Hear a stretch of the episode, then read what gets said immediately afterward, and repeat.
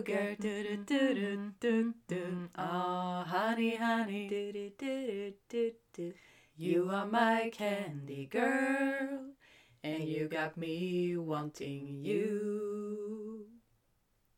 Varför blev det den här låten idag Susanne? För idag har vi med Susanne Törnqvist som gäst. Och hon är bland annat kostrådgivare och pratar väldigt mycket om det här med hur det vi äter faktiskt påverkar hur vi mår.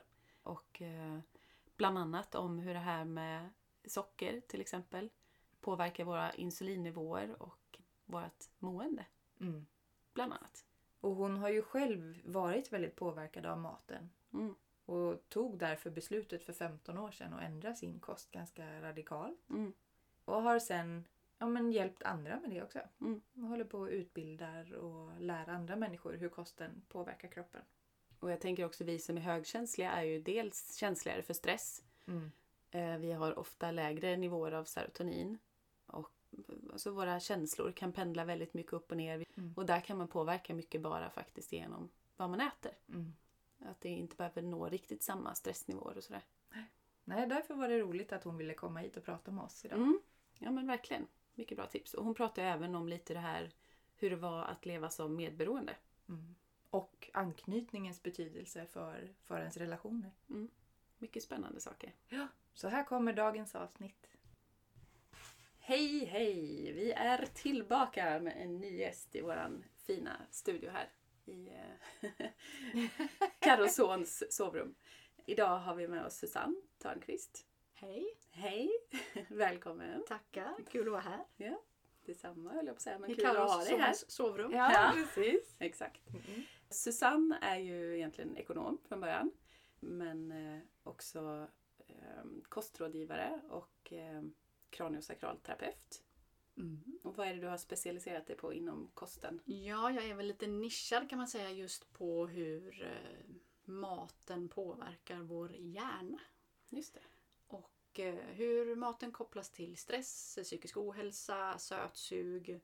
Mycket på hur maten och vårt belöningscentra hänger ihop. Mm, Där är vi ganska många lite kidnappade kan man väl säga. just det. Och vi som är högkänsliga kan ju också vara känsligare för vissa typ av eh, mat eller alltså så. Mm. Kaffe är ju många känsligare mot. Eh, socker är också en sån grej. Och sen så har vi ju ofta låga nivåer av serotonin och det har jag för mig att man kan väl påverka det ganska mycket genom det man äter också. Absolut, det är det som är en av huvudgrundbitarna i belöningscentrat. Just Så det. är det serotoninnivåerna. Mm. Så absolut, i allra största grad kan man påverka det. Mm. Jag vill höra mer om det här sen, hur du, hur du började med det här med maten och sånt. För jag antar att det är lite personliga erfarenheter och sånt där kopplat till va? Absolut. Eh, Jag, har, jag har varit allätare och alldrickare till att eh, bli lite mer restriktiv och hitta en nivå som gör mig balanserad, mitt blodsocker balanserat Mm. och då minskar också stressnivåer i kroppen. Och Mm. det blir en helt annan psykisk eh, hälsa Mm. av det faktiskt. Och just det här med stress också och hur mat kan stressa. Vi som är högkänsliga är ju också extra stresskänsliga. Så att om man faktiskt kan påverka mycket den här egna stressen bara av vad man äter så är det verkligen ett stort steg på vägen, Mm. tänker jag. Och stressen är ju starkt kopplat till blodsockerbalansen. Mm. Så lär man sig att balansera den så inte nog med att man har ju jättemånga fysiska hälsofördelar i form av minskad risk för diabetes eller insulinkänslighet, man får bättre fertilitet, man får ja, bättre psykisk hälsa, man får ett jämnare humör. Det finns jättemånga fördelar om man, om man kan liksom minimera risken för väldigt många välfärdssjukdomar. Så Mm. att det finns liksom bara win-win. Mm. Med den lilla, lilla detaljen att vi ofta upplever ett visst litet sötsug. Mm. Så att, men när man förstår den biten och lär sig hantera det så då är det, Mycket vunnet. då är det mycket vunnet, absolut. Men du är ju också högkänslig. Ja, Och vi kan väl börja lite med, med det. Liksom. Berätta när du, när du eh, förstod att du var högkänslig. ja jag tänkte säga det var väl... Ja, när kom begreppet till Sverige? Typ 2012 tror jag man började prata om Ja. det lite mer. Då skulle jag vilja säga att det, de är lite tidigare ändå. Jag tror någonstans där. Ja men eh, mellan 2005 och 2012 då. Ja, Okej, så du var väldigt tidig. Ja ändå. men jag var väldigt alltså, eller tidigt ska jag inte säga, men, men från 25-årsåldern i alla fall så hade, fick jag ett väldigt stort intresse liksom för allt kring filosofi, andlighet, det spirituella, eh, självhjälpsböcker. Allt som har med kropp och själ att göra. Hur kroppen funkar, hur eh, sinnet funkar, hur själen... Ja, hur allt hänger ihop och sådär. Så att, och det går ju lite in i det, i, i den nischen så att säga. Så att det, det är väl lite, har man plöjt igenom all vanlig litteratur som finns inom det ämnet och när det kommer något nytt så är man ju liksom lite inne i, i branschen så att säga. Mm. Så att det föll sig ganska naturligt att eh, snabbt, eh, det räckte ju med liksom göra det här lilla Självtestet. Ja precis, Mm. så, så var det nästan check i, inte i varenda ruta men, men i väldigt många. Mm. Så det förstod jag ganska snabbt att där, eh, dit hör jag. Hur upplevde du det då? Tyckte du att det var skönt att få liksom ett ord för det eller kände du det som att så här, åh, det blir en, en stämpling på mig själv liksom? Jag upplevde att det gav ganska mycket förståelse för eh, vissa beteenden. Där- Vissa saker där jag kanske hade känt mig annorlunda. Saker som att alltså jag ville ofta hem och liksom, ja, men, återhämta mig. Till exempel under eh, studietiden på högskolan så kanske vi hade lektioner på förmiddagen och sen så bestämde vi att vi skulle göra någonting på eftermiddagen. Jag ville alltid hem däremellan bara för att liksom landa och omst- alltså omställelsetid innan man hoppar på nästa grej. Mm. Och jag förstod inte alls varför, varför vill ingen annan det liksom? Mm.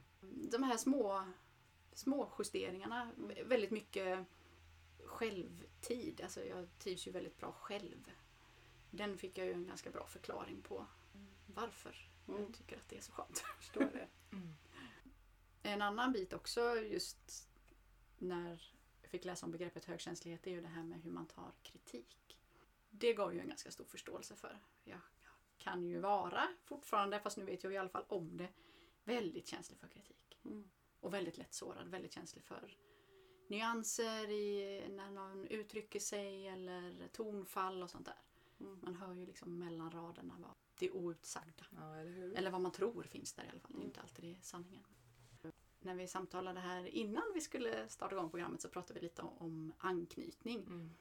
Eh, och det jag tycker är jätteintressant att se ja, alla typer av det, det psykologiska och analyserande tycker jag är jätteintressant men där har jag väl insett också att det, jag skaffade mig nog ganska tidigt en, en undvikande anknytning som gör att man blir också ännu mer undandragande och, och eh, upplever att man Ja, men man löser allting själv, man blir en väldigt självständig individ och man söker sig inte så mycket till andra för, för hjälp utan Nej. kanske, ja, ja men man är, de, är med dem när man umgås liksom och, och skojsar och stimmar men, men i övrigt så finns det inte så mycket att hämta hos andra människor utan man, man vänder sig inåt.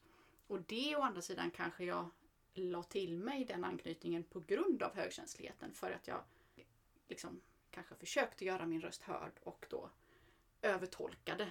Mm. Det kan ju räcka med att en förälder inte har tid eller de har fullt upp med ett annat issue i sitt liv och så vidare Mm. och så bestämmer man sig för att nej, det Mm. här livet det, det får jag lösa själv. Mm. Tror ni inte det kan bli så att antingen så, så blir man så som du blev? Att man tänker att man, nej men det här får jag klara själv. Mm. Det är ändå Men en t- idé att uttrycka mina behov ens för Nej, de, blir inte, de blir ändå inte hörda. Men tror ni inte att det kan bli tvärtom också? Att man nästan skriker efter hjälp? Jo. För så kunde jag ju uppleva hos några av mina elever när jag jobbade som specialpedagog i skolan. Att det var ju att de, de sökte nästan tröst och bekräftelse hos alla vuxna. Mm. Alla, för att de kanske inte hade fått tillräckligt hemma eller Mm. inte vet jag. Men att det var, det var ju jättetydligt hos vissa Mm. elever att, eh, de hade sånt nästan, vad ska man säga, Omättligt. Vad sa du? Omättligt. Ja, men omättligt Mm. behov av vuxenkontakt och, och Mm. bekräftelse och stöttning och stöd och tröst och sånt där. Ja. Det hade varit jätteintressant att veta vad är det för variabler som ska spela in för att det ena eller det Ja, andra ska, hur? Mm. ska ske. Ja. Jag växte nog upp i en familj som inte var så kommunikativ. Mm. Det, det pratades om, eh, om praktiska saker. När ska vi hämta? När ska vi lämna? När börjar träningen? Vart ska vi åka på semester? Nu eh, ska vi åka och, och bada. Liksom. Eh, idag ska gräset klippas. Mm. Men eh, Inte mycket frågor. nej, Egentligen då. frågor ställde vi inte och, eh, Eller tankar eller känslor. och delgav inte heller. Liksom. Mm. Kunde du längta efter det någon gång eller Nej. reflekterade du aldrig ens Nej, jag det? reflekterar aldrig ens. Nej. Jag tror det var helt undantryckt. Mm. Så att det var liksom bara en, en enorm eh, hårdhet skulle jag vilja säga. Jag hade liksom också skyddsskalet att eh, jag var sur lite i förebyggande syfte. Mm. För då kan jag inte... Ja men det är ju jättepraktiskt. Testa någon gång. Ja. Ehm, mina föräldrar att jag hade... skrattade, det lät ju bara väldigt roligt. Ja, men den, den, den funkade ganska bra. Eh, jag ser ju så här att i efterhand att mina föräldrar hade ju sina äktenskapliga issues som de kanske borde ha adresserat på ett annat sätt kan man tycka, även om de säkert gjorde sitt bästa.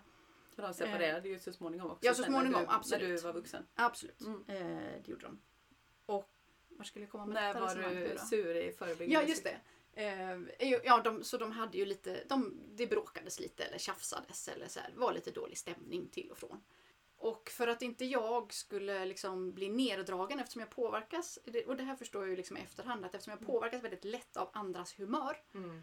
så valde jag liksom att redan ha sänkt mig för då blir jag ju inte så besviken om någon annan sänker ner mig. Nej, Så jag var sur i förväg, så hemma var jag nästan alltid sur. Mm. Var vi på semester så var jag liksom alltid sur och butter.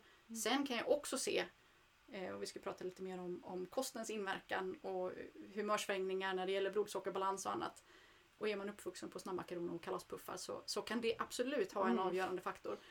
Men också att jag faktiskt valde att liksom vara lite butter skulle jag vilja säga. Mm. Minns det Det var- som ett medvetet val ändå? Liksom. Ja, Mm. men det gör jag. Och hur, vad fick du för eh, bemötande från din familj på det Ja, då fick jag ju vara i fred. sättet? Ja.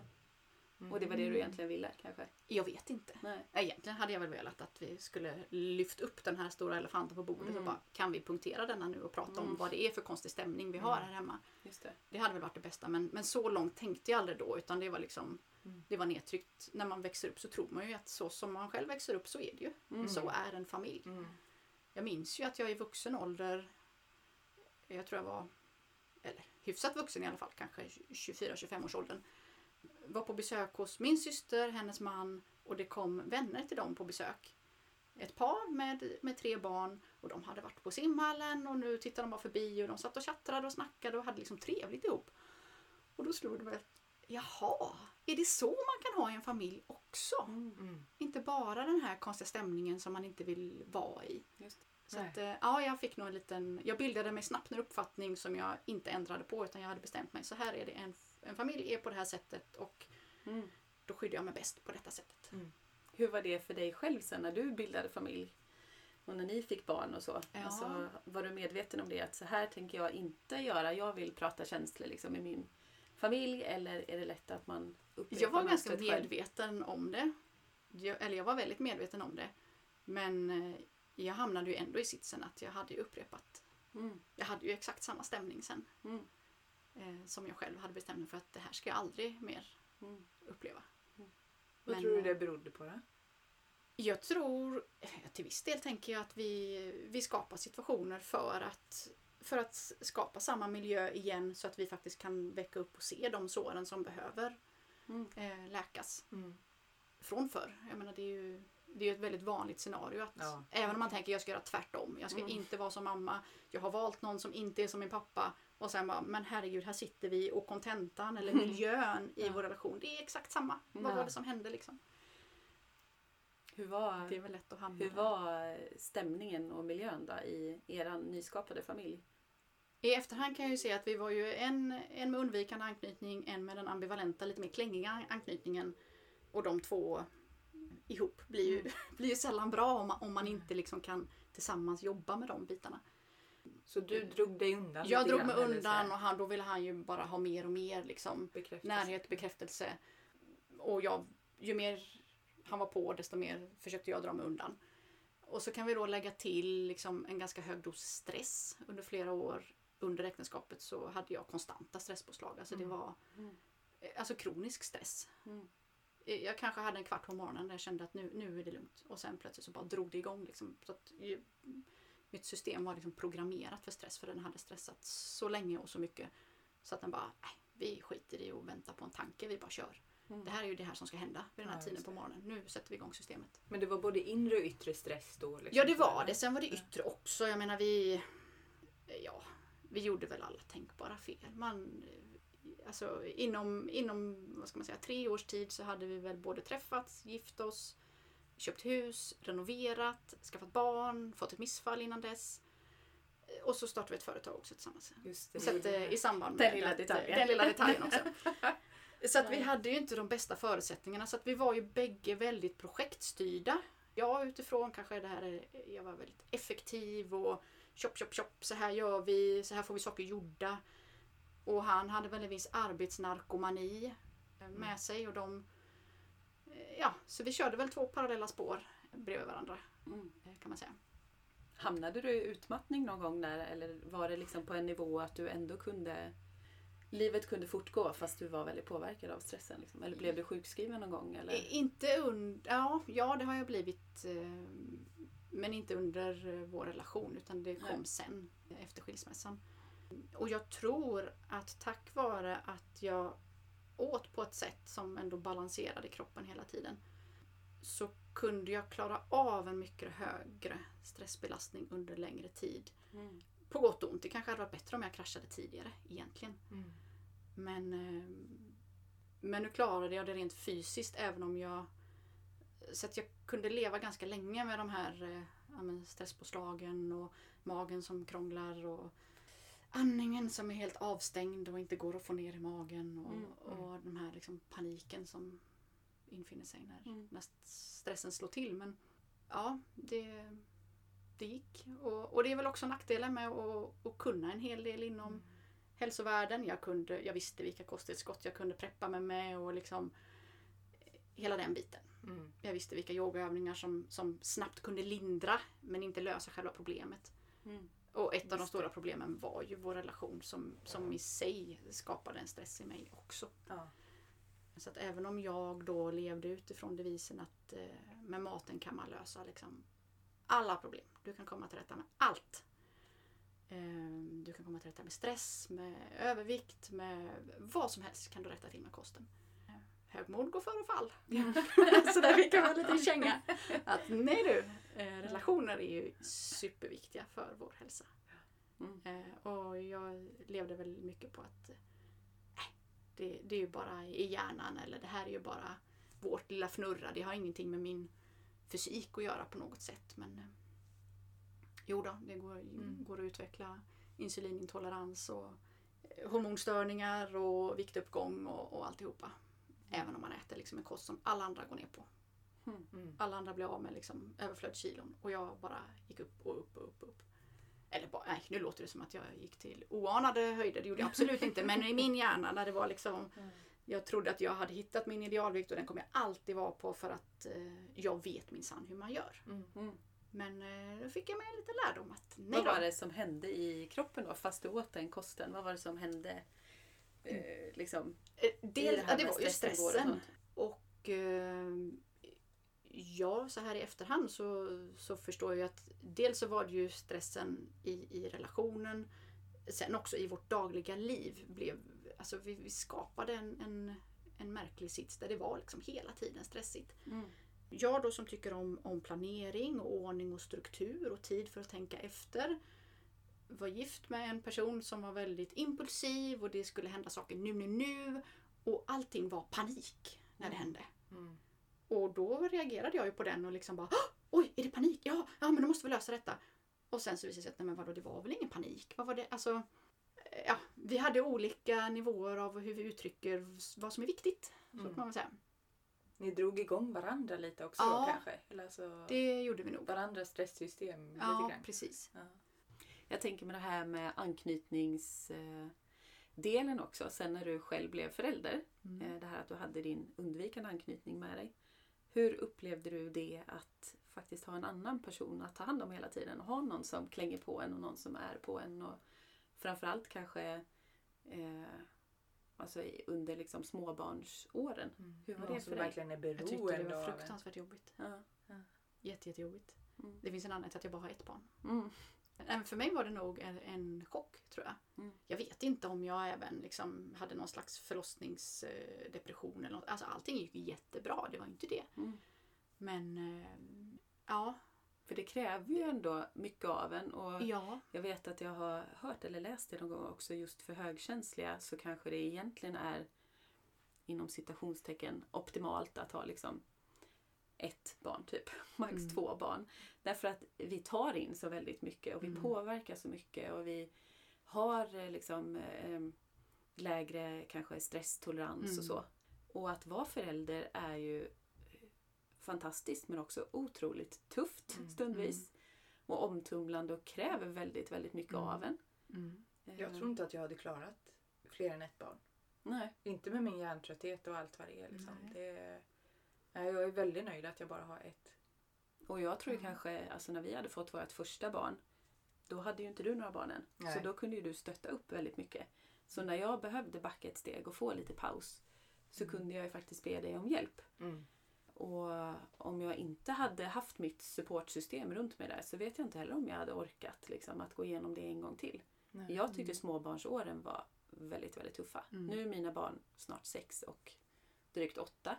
Så nu börjar ju ändå bli lite större och lite mer självgående. Men just det här att hela tiden liksom ha så mycket fokus utåt. När jag egentligen kanske behövde faktiskt känna av så här, hur känns det här i mig? Hur känns det här i min Mm. kropp? Hur mår jag? Liksom, är jag överstimulerad eller är jag på väg att bli överstimulerad? Jag hann ju liksom inte känna efter. Man var väl konstant överstimulerad hela tiden. Ja men typ. Mm. Tror jag. Jag jobbade ju dessutom Ja. på förskola så jag hade ju aldrig någon Oj, paus. Liksom. ja. Så att eh, ja, jag tror att många föräldrar känner igen Ja. sig i det. Och jag kände också tufft. en väldigt stark oro Mm. också för barn. Alltså, Mm. Mm. från att han föddes, de första två veckorna sov han på magen. Jag hade ju som värk i armarna. Mm. Att ligga och, och hålla ett barn liksom, samtidigt som man ska försöka sova. Och, Mm. så mycket, mycket oro och sen också att vi i vår relation hade vi inte jättebra kommunikation just då. Vårt företag började ta fart. Så att jag upplevde att jag var ganska ensam. Det var Mm. liksom jag och barnet och sen så var det liksom eh, familjeförsörjaren Mm. som stod vid sidan om. Mm. Så det, det är ju mycket möjligt att hade jag haft en annan typ av relation där jag upplevde mer stöttning. Jag upplever att jag... eh, Jag kunde uppenbarligen inte uttrycka vad jag behövde. Nej. För då kanske jag hade fått det. Men jag upplevde att jag var ganska ensam i detta. Mm. Och sen just som, som du säger Jossan med det här att hela tiden vara uppkopplad på någon annan människa. Mm. Hela tiden känna av vad vill den, vad behöver den, när behöver den. Mm. Ja, jag tyckte det var skitjobbigt. Det går åt mycket energi Ja, fruktansvärt jobbigt. Mm. Men sen som sagt vet jag inte hur mycket, hur mycket var egentligen relationen som var Nej, skitjobbig. precis. I en helt annan miljö. Och jag hade heller inget supportsystem. Jag Nej. hade liksom, min mamma bodde långt bort. Jag hade inga jättenära vänner som bodde i närheten som kunde hjälpa till. Och de var väl mitt i sina utbrändheter och skilsmässor och Mm. ja, sånt man håller på med i vår Helt enkelt. Ja. Mm. Eh, så att eh, ja, vi, vi levde liksom ganska isolerade i Mm. vår lilla familj. Och det, Det är inte konstigt att det var tufft. nej. Verkligen inte. Men jag tänker på det här med, med kosten och alltihopa. När, när började du intressera dig för det? Hur kom du in på det? Liksom? Mm. För du, var Ja, ju, det är du konstigt. utbildade dig till ekonom först ju. Ja, och sen när jag var färdig med det så eh, någonstans där och då hade jag väl utvecklat eh, ett intresse för hur funkar kroppen och vad händer och jag hade väl gått på lite olika former av alternativa behandlingar och jag tyckte wow vad fascinerande liksom att man kan gå till en kinesolog och de kan bara känna in vad jag behöver och så blir det bra. Alltså, Mm. Jag tyckte det var jättehäftigt så jag ville ju lära mig mer. Så jag gick ju utbildning till friskvårdsterapeut bara för att eh, för, bara för min skull, för att det var intressant. Men sen så började jag ganska omgående liksom jobba med, med massage och, och kinesiologi och så här, ta emot. Eh, Var det Eh, parallellt klienter. med ekonomijobbet Nej. då? Nej. nej, då hade jag inte hunnit få något ekonomijobb. Nej, nej. För att ja, det, det var, ett tag var det väl väldigt överskott av ekonomer. Mm. Och just i den svackan kom Mm. jag ut. Eh, Så att det bidrog väl också givetvis. Att det var liksom ett vakuum där när jag ändå var arbetslös och, och sökte jobb och sådär. Då passade det liksom bra med en utbildning. Var det innan du hade träffat din före detta man då? Ja, ja. Ja, då var det. Eh, Detta var väl i, jag vet inte, vad ska man prata, årtal kanske? Ehm, runt eh, 2002, 2005. Mm. Någonstans däremellan. Okej. Och, och innan dess hade jag ju varit en sån här, jag tyckte ju känsliga personer det var bara mesigt. Alltså vegetarianer, komma där och säga att man är laktosintolerant. Det fanns ju inte riktigt på 90-talet. Det var ju skitjobbigt med sådana och jag, Ja. liksom, under studenttiden jobbade jag i, i liksom studentkårens eh, kök och sådär och vi lagade jättemycket mat och det var ju, åh men gud kommer de här specialkostarna igen. Mm. Och nu liksom Vilken resa du har gjort. Så bara, jag, jag har provat bägge sidor. Ja. Eh, Vad handlade det om då? Den hårda, liksom mer tuffa sidan att så här, äh, Ja men all känslighet trams, skulle liksom. väl eh, tryckas bort. Jag vet inte. Mm, det. Mm. det enda rätta var att vara stark. Så. Ja, Ja. lite så. Och det är väl någonting som hela samhället premierar. Alltså titta på, Ja, på jämställdhetsbiten. Mm. Hur jämställda har vi blivit egentligen? Alltså för att kvinnor ska få samma lön. Ja, ja vi, ska, vi ska gå in i prestation och vi ska liksom Mm. det ska kämpas och det ska, vad sjutton det nu är, men är det jämställdhet Mm. egentligen? Vi ska bli som männen och ta deras egenskaper. Mm. Och bara genom att ta de egenskaperna så skapar vi mer manliga hormoner i våra kroppar. Så bara, ja, men hur jämställt var detta nu då? Mm. Eh, Mm. Och sen så ska vi samtidigt försöka liksom, bli gravida eller vara mammor och ja, eh, ha en fungerande menscykel. Eller, Mm. liksom, Ja, och tro att det inte påverkar oss. Det är ju... Mm. Ja. Intressant. I alla fall. Ja. Jag har inte tänkt så mycket på, på det sättet. Nej. Sen, sen är ju jämställdheten, alltså den, den är ju fin men jag tänker att den har lite så här kidnappats av mer kapitalistiska syften. Att bara Mm. att, att kvinnan ska gå in i hårdhet är ju inte riktigt kanske rätt väg. Eller kan jag säga, för jag upplever att jag har ändå varit Mm. i det hårda Mm. ganska mycket. Och känner väl att ja, ska jag hitta någon form av hormonbalans och, och liksom skapa min egen trygghet rent biokemiskt i min kropp så Mm. är det kanske på ett annat sätt jag ska leva. Det ska inte vara effektivt och det ska kämpas och det ska presteras. Och det ska... Mm. Men tror du att det var därför du blev ekonom från början? För jag menar ekonom är ju ganska, har ju, eller det, det kan väl ha med känslor att göra också i och för sig. Men inte vet jag, jag kan inte så mycket. Men jag tänker det kanske räknas lite mer som i den hårda. Ja, lite mer konkret ja. i alla fall. och Ja. lite, Men sen har jag ju, alltså, vad jag inte känner igen mig i i högkänslighetsbiten är det här med att alltså, processa information, att det kan ta längre tid. Jag upplever att min hjärna är ganska snabb.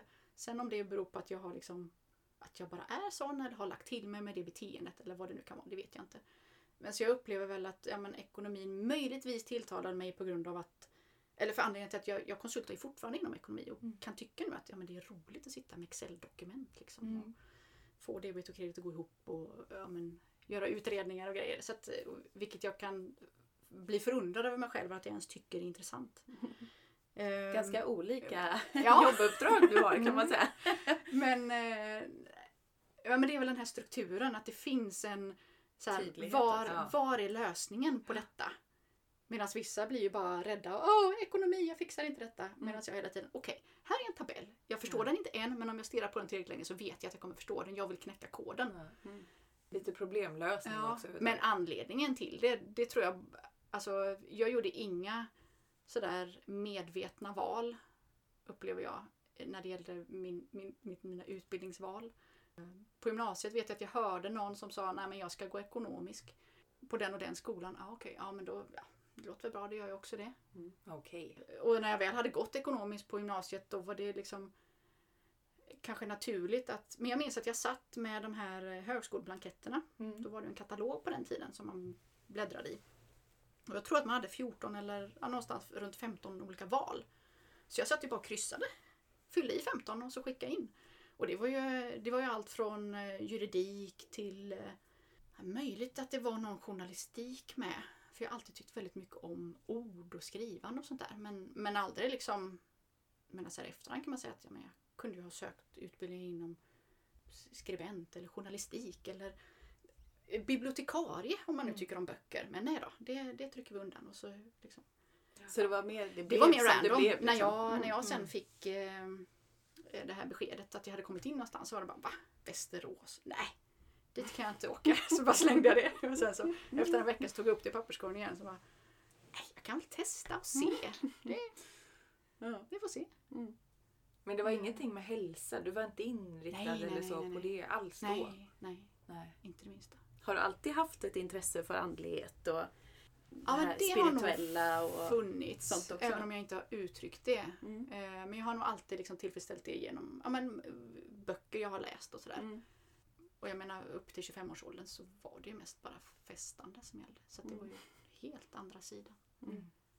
Men berätta mer om det här med när du utbildade dig till friskvårdsterapeut. Heter det det? Mm. Vad hände efter det sen? Efter det, ja. Jag startade företag ganska omgående.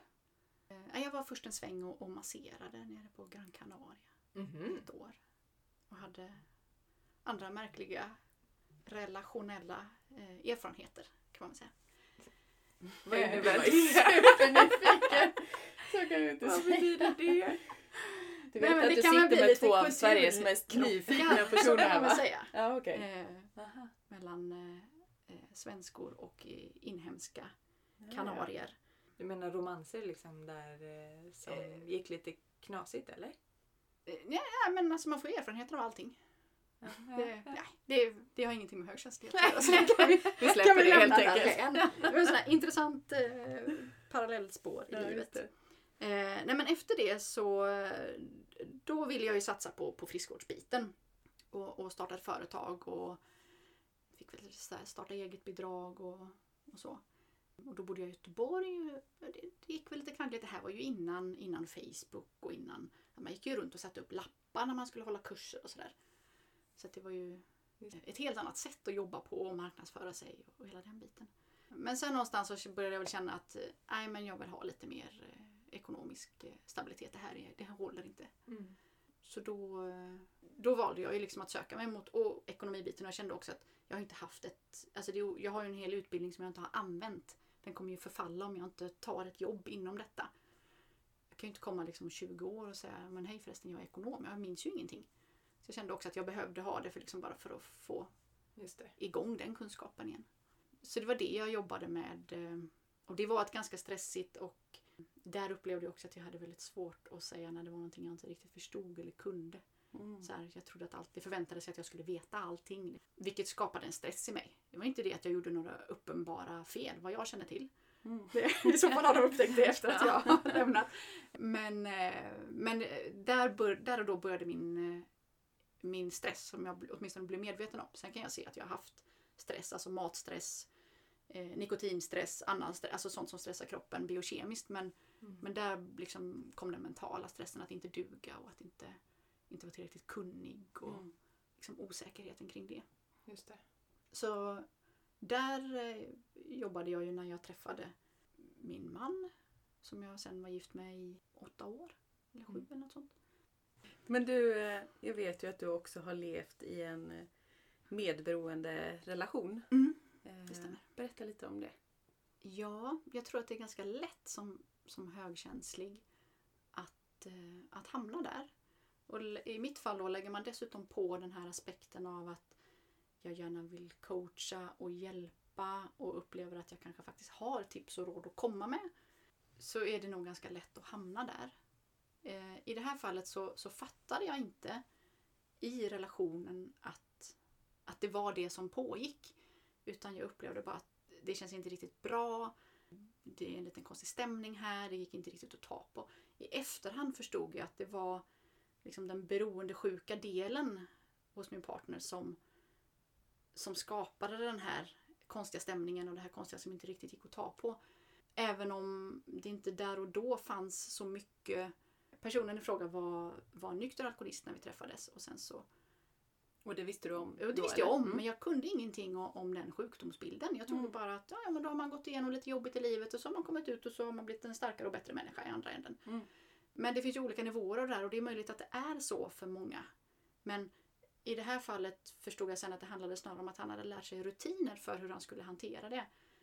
När livet sen kanske skedde och det hände saker som var jobbiga eller stressande, då började hans rutiner ruckas upp. Och i samband med det så liksom kunde beroendepersonligheten ta över mer och mer Mm. eh, i hans hjärna för att sen liksom ja, gå tillbaks Mm. Till återfall. Märkte det- du det på en gång? Eller? Nej, nej, nej. Utan Nej. det, och det pågick inte särskilt mycket alltså under vår relation heller. Utan det var väl mer, vad ska man säga, under avvecklingstiden av vår relation. Där han gick in i liksom ja, aktivt eh, beroende eller liksom i ett, skov eller vad man ska kalla det. Mm. Mm. Kopplat till separationen kanske också eller? Ja, definitivt. För att det var ju hans sätt att hantera Mm. eh, jobbigheter på. Insåg du där och då under relationen att du var medberoende? Nej. Eller har det liksom Det var den först på liksom trillat ner sen? Ja, i, i det här fallet så, så valde ju personen att, eh, att eh, ta hjälp av eh, Nämndemansgården är ju en sån beroendeklinik Mm. nere i Skåne. Och, och där hade de så att som anhörig så fick man komma och gå ett anhörigprogram en vecka. Mm. Och det var ju väldigt lärorikt. Jag trodde ju inte att det här hade med mig att göra för det var ju hans problem.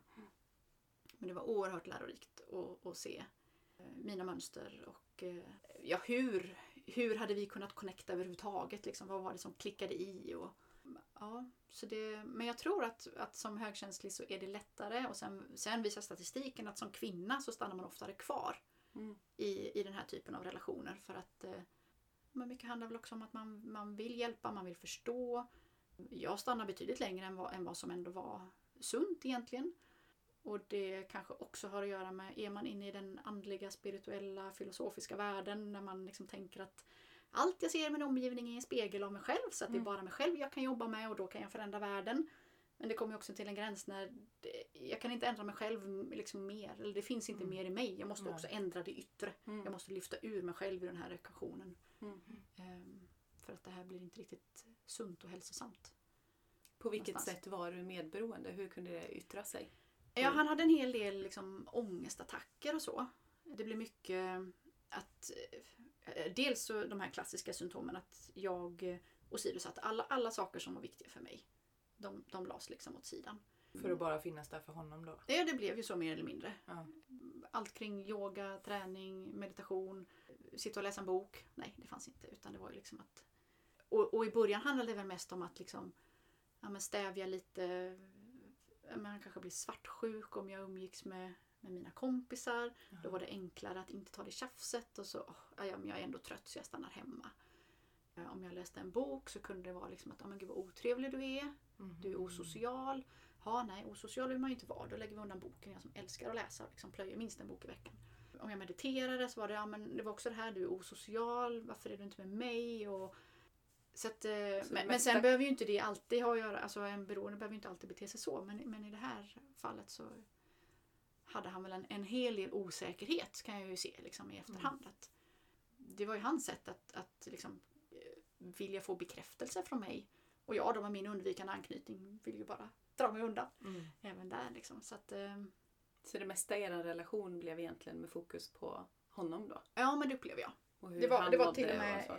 Ett av argumenten liksom, när jag ville eh, att vi skulle sära på oss. Så, så sa jag det liksom att ja, men jag upplever att det, det är bara du som... Du är, du är liksom alltid svag. Och motargumentet då så sa han ja, men du ska också få lov att vara svag. Nej, jag vill att vi ska vara liksom friska tillsammans. Mm. Så vi kan utvecklas. Inte bara att någon ska ta som hand hela tiden. Mm. Men i det här fallet så upplevde jag att det blev väldigt mycket omhändertagande och jag töjde hela tiden på mina gränser också. Även om jag Men det var... var inte så att du mörkade liksom om han drack eller alltså inför andra? Nej, det eller? såg jag aldrig. Inte på det sättet? Nej, och det vet jag inte om han gjorde. Och det är väl det här jag menar med att det är så lurigt med beroendesjuka för att man den, den kan pågå och puttra liksom lite som en bil som står på tomgång. Mm. Alltså under lång, lång tid. Det behöver inte vara att man faktiskt ser att någon eller alltså att man gör de aktiva bitarna i beroendet. Mm.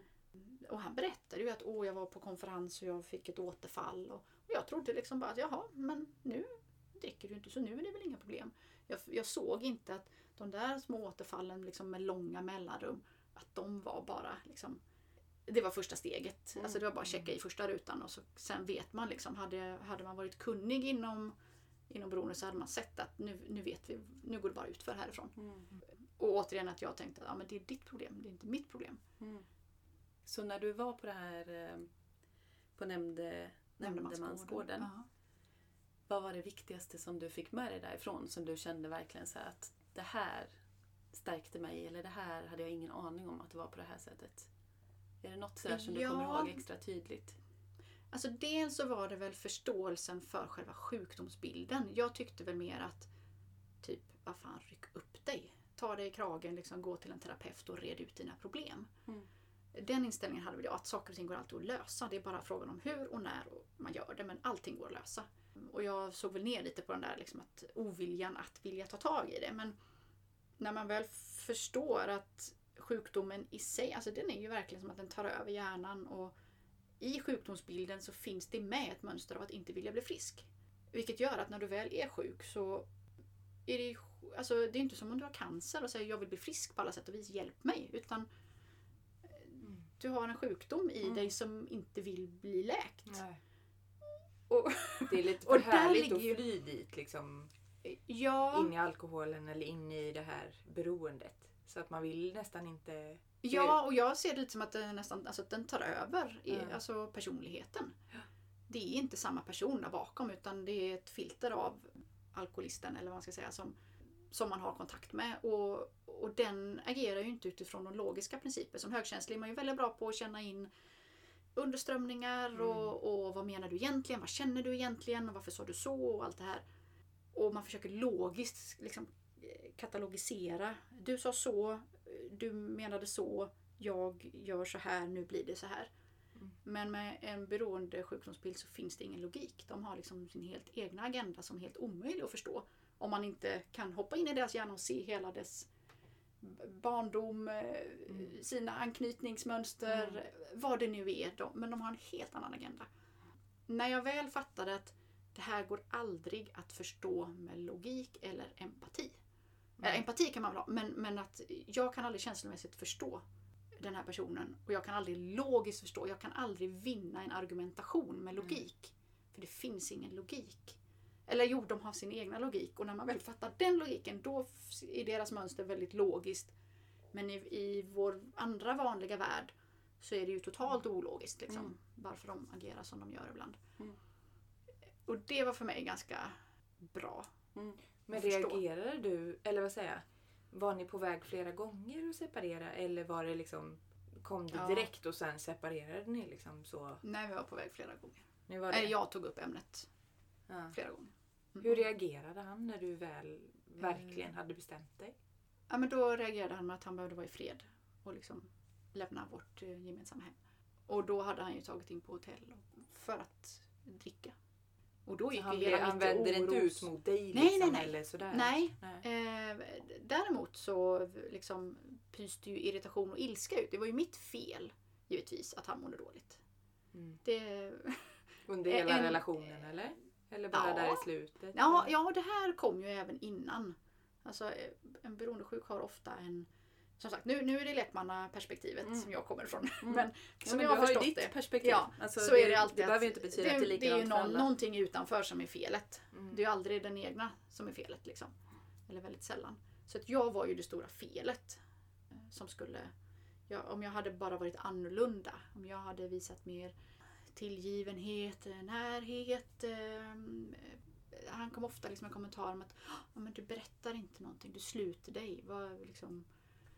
alltså jag tyckte, men vadå, vi har väl pratat, man jag är öppen. Ja, jag berättar saker och ting. Men det var ju snarare han som hade saker som han dolde. Mm. Mm, just det. Och då trodde han väl att jag också dolde saker, för det gjorde ju han. Mhm. Så det var liksom mycket sådana där. De projicerade det Ja. på dig helt enkelt då? Mycket sånt. Mm. Vad var det som gjorde att du alla de där gångerna innan när du var liksom nära att lämna ändå Mm. valde att stanna kvar? Var det alltså, var han Ja, men det var övertygade han ja, dig? Eller? lite så. Ja, men jag Ja. lovar att bättra mig, jag ska bli annorlunda. Mm. Jag tyckte väl liksom att eh, jag kom... För, för mig, och det har jag förstått också, var, det är viktigt att förstå vad man, eh, alltså vad man blir tacksam över i en relation. Och för mig var liksom så här, ja men blommor, vad är det för trams? Mm. Vad fan ska jag med dem till liksom? Jag hade behövt en sovmorgon. Mm. På mors dag liksom. Eller vad det nu kan vara. Mm. Ja, nej. Mm. Vad ska jag göra med det? Jag vill se lite action liksom. Visa med handling, inte bara med massa ord. Var, jag upplevde att det var väldigt mycket ord. Okej. Men det kom liksom aldrig till något genomförande fas. Nej. Men hur blev det här, alltså separationen, hur upplevde du den? Hur kändes det för dig i det? Jag gick ju först in i det här att eh, eftersom han då var i sitt eh, aktiva beroende och, och dessutom att det var mitt fel så, så kom det ganska mycket ilska projicerat på mig. Och då gick jag in i väldigt mycket försvar. Och jag skulle även bryta ner allt han sa. Skulle jag ju liksom så här, nej du har fel på den och den punkten, det här och det här, så här var det, du minns fel, du refererar till fel saker. Eller vet. Så det tog ju väldigt mycket energi av mig. Dels den biten. Och det var ju som sagt väldigt, eh, det var en uppenbarelse för mig när jag fick lära mig att gå aldrig in i diskussion. Du kan aldrig vinna. Det är ingen idé. Nej, just det. liksom just att logiken. För det var ju logiska argument. Jag hade kunnat vinna vilken rättegång som helst. Det var ju, Mm. Jag hade ju bevis och jag hade liksom tjoff tjoff tjoff. Men, Det var inte men det, följ, alltså det, det var inte de spelreglerna. Gäller Nej. inte längre. Men sen så gick jag också in väldigt mycket i att försöka hjälpa. Att försöka fixa ja, men, nya terapeuter eller nya program han kunde gå eller, Mm. eller bara coacha eller lämna en bok eller Och han ville egentligen inte ha hjälpen eller? Jo men Eller vill både han och. Han ville ju bli frisk men han ville ju inte eh, kanske gå igenom... eh, han ville väl inte möta det som var jobbigt. Nej. Det är också det där, en, en sån grej att det är ingen idé att försöka hjälpa någon som inte vill bli hjälpt. Nej, Nej. exakt. Det tar ju egentligen mer energi av en själv. När man försöker ge Oh ja. ut hjälp till någon annan och så är det ett Ja. stopp. Så vill den personen inte ta emot det. Då blir det ju Nej. också sån tung energi i en själv. Liksom. Ja absolut, så det var ju en ganska stor stressfaktor. På något Oj. sätt hade vi väl i den relationen fått det till att jag var ansvarig för hans hälsa. Mhm. Förstod jag efterhand. Okej. Och den är lite jobbig.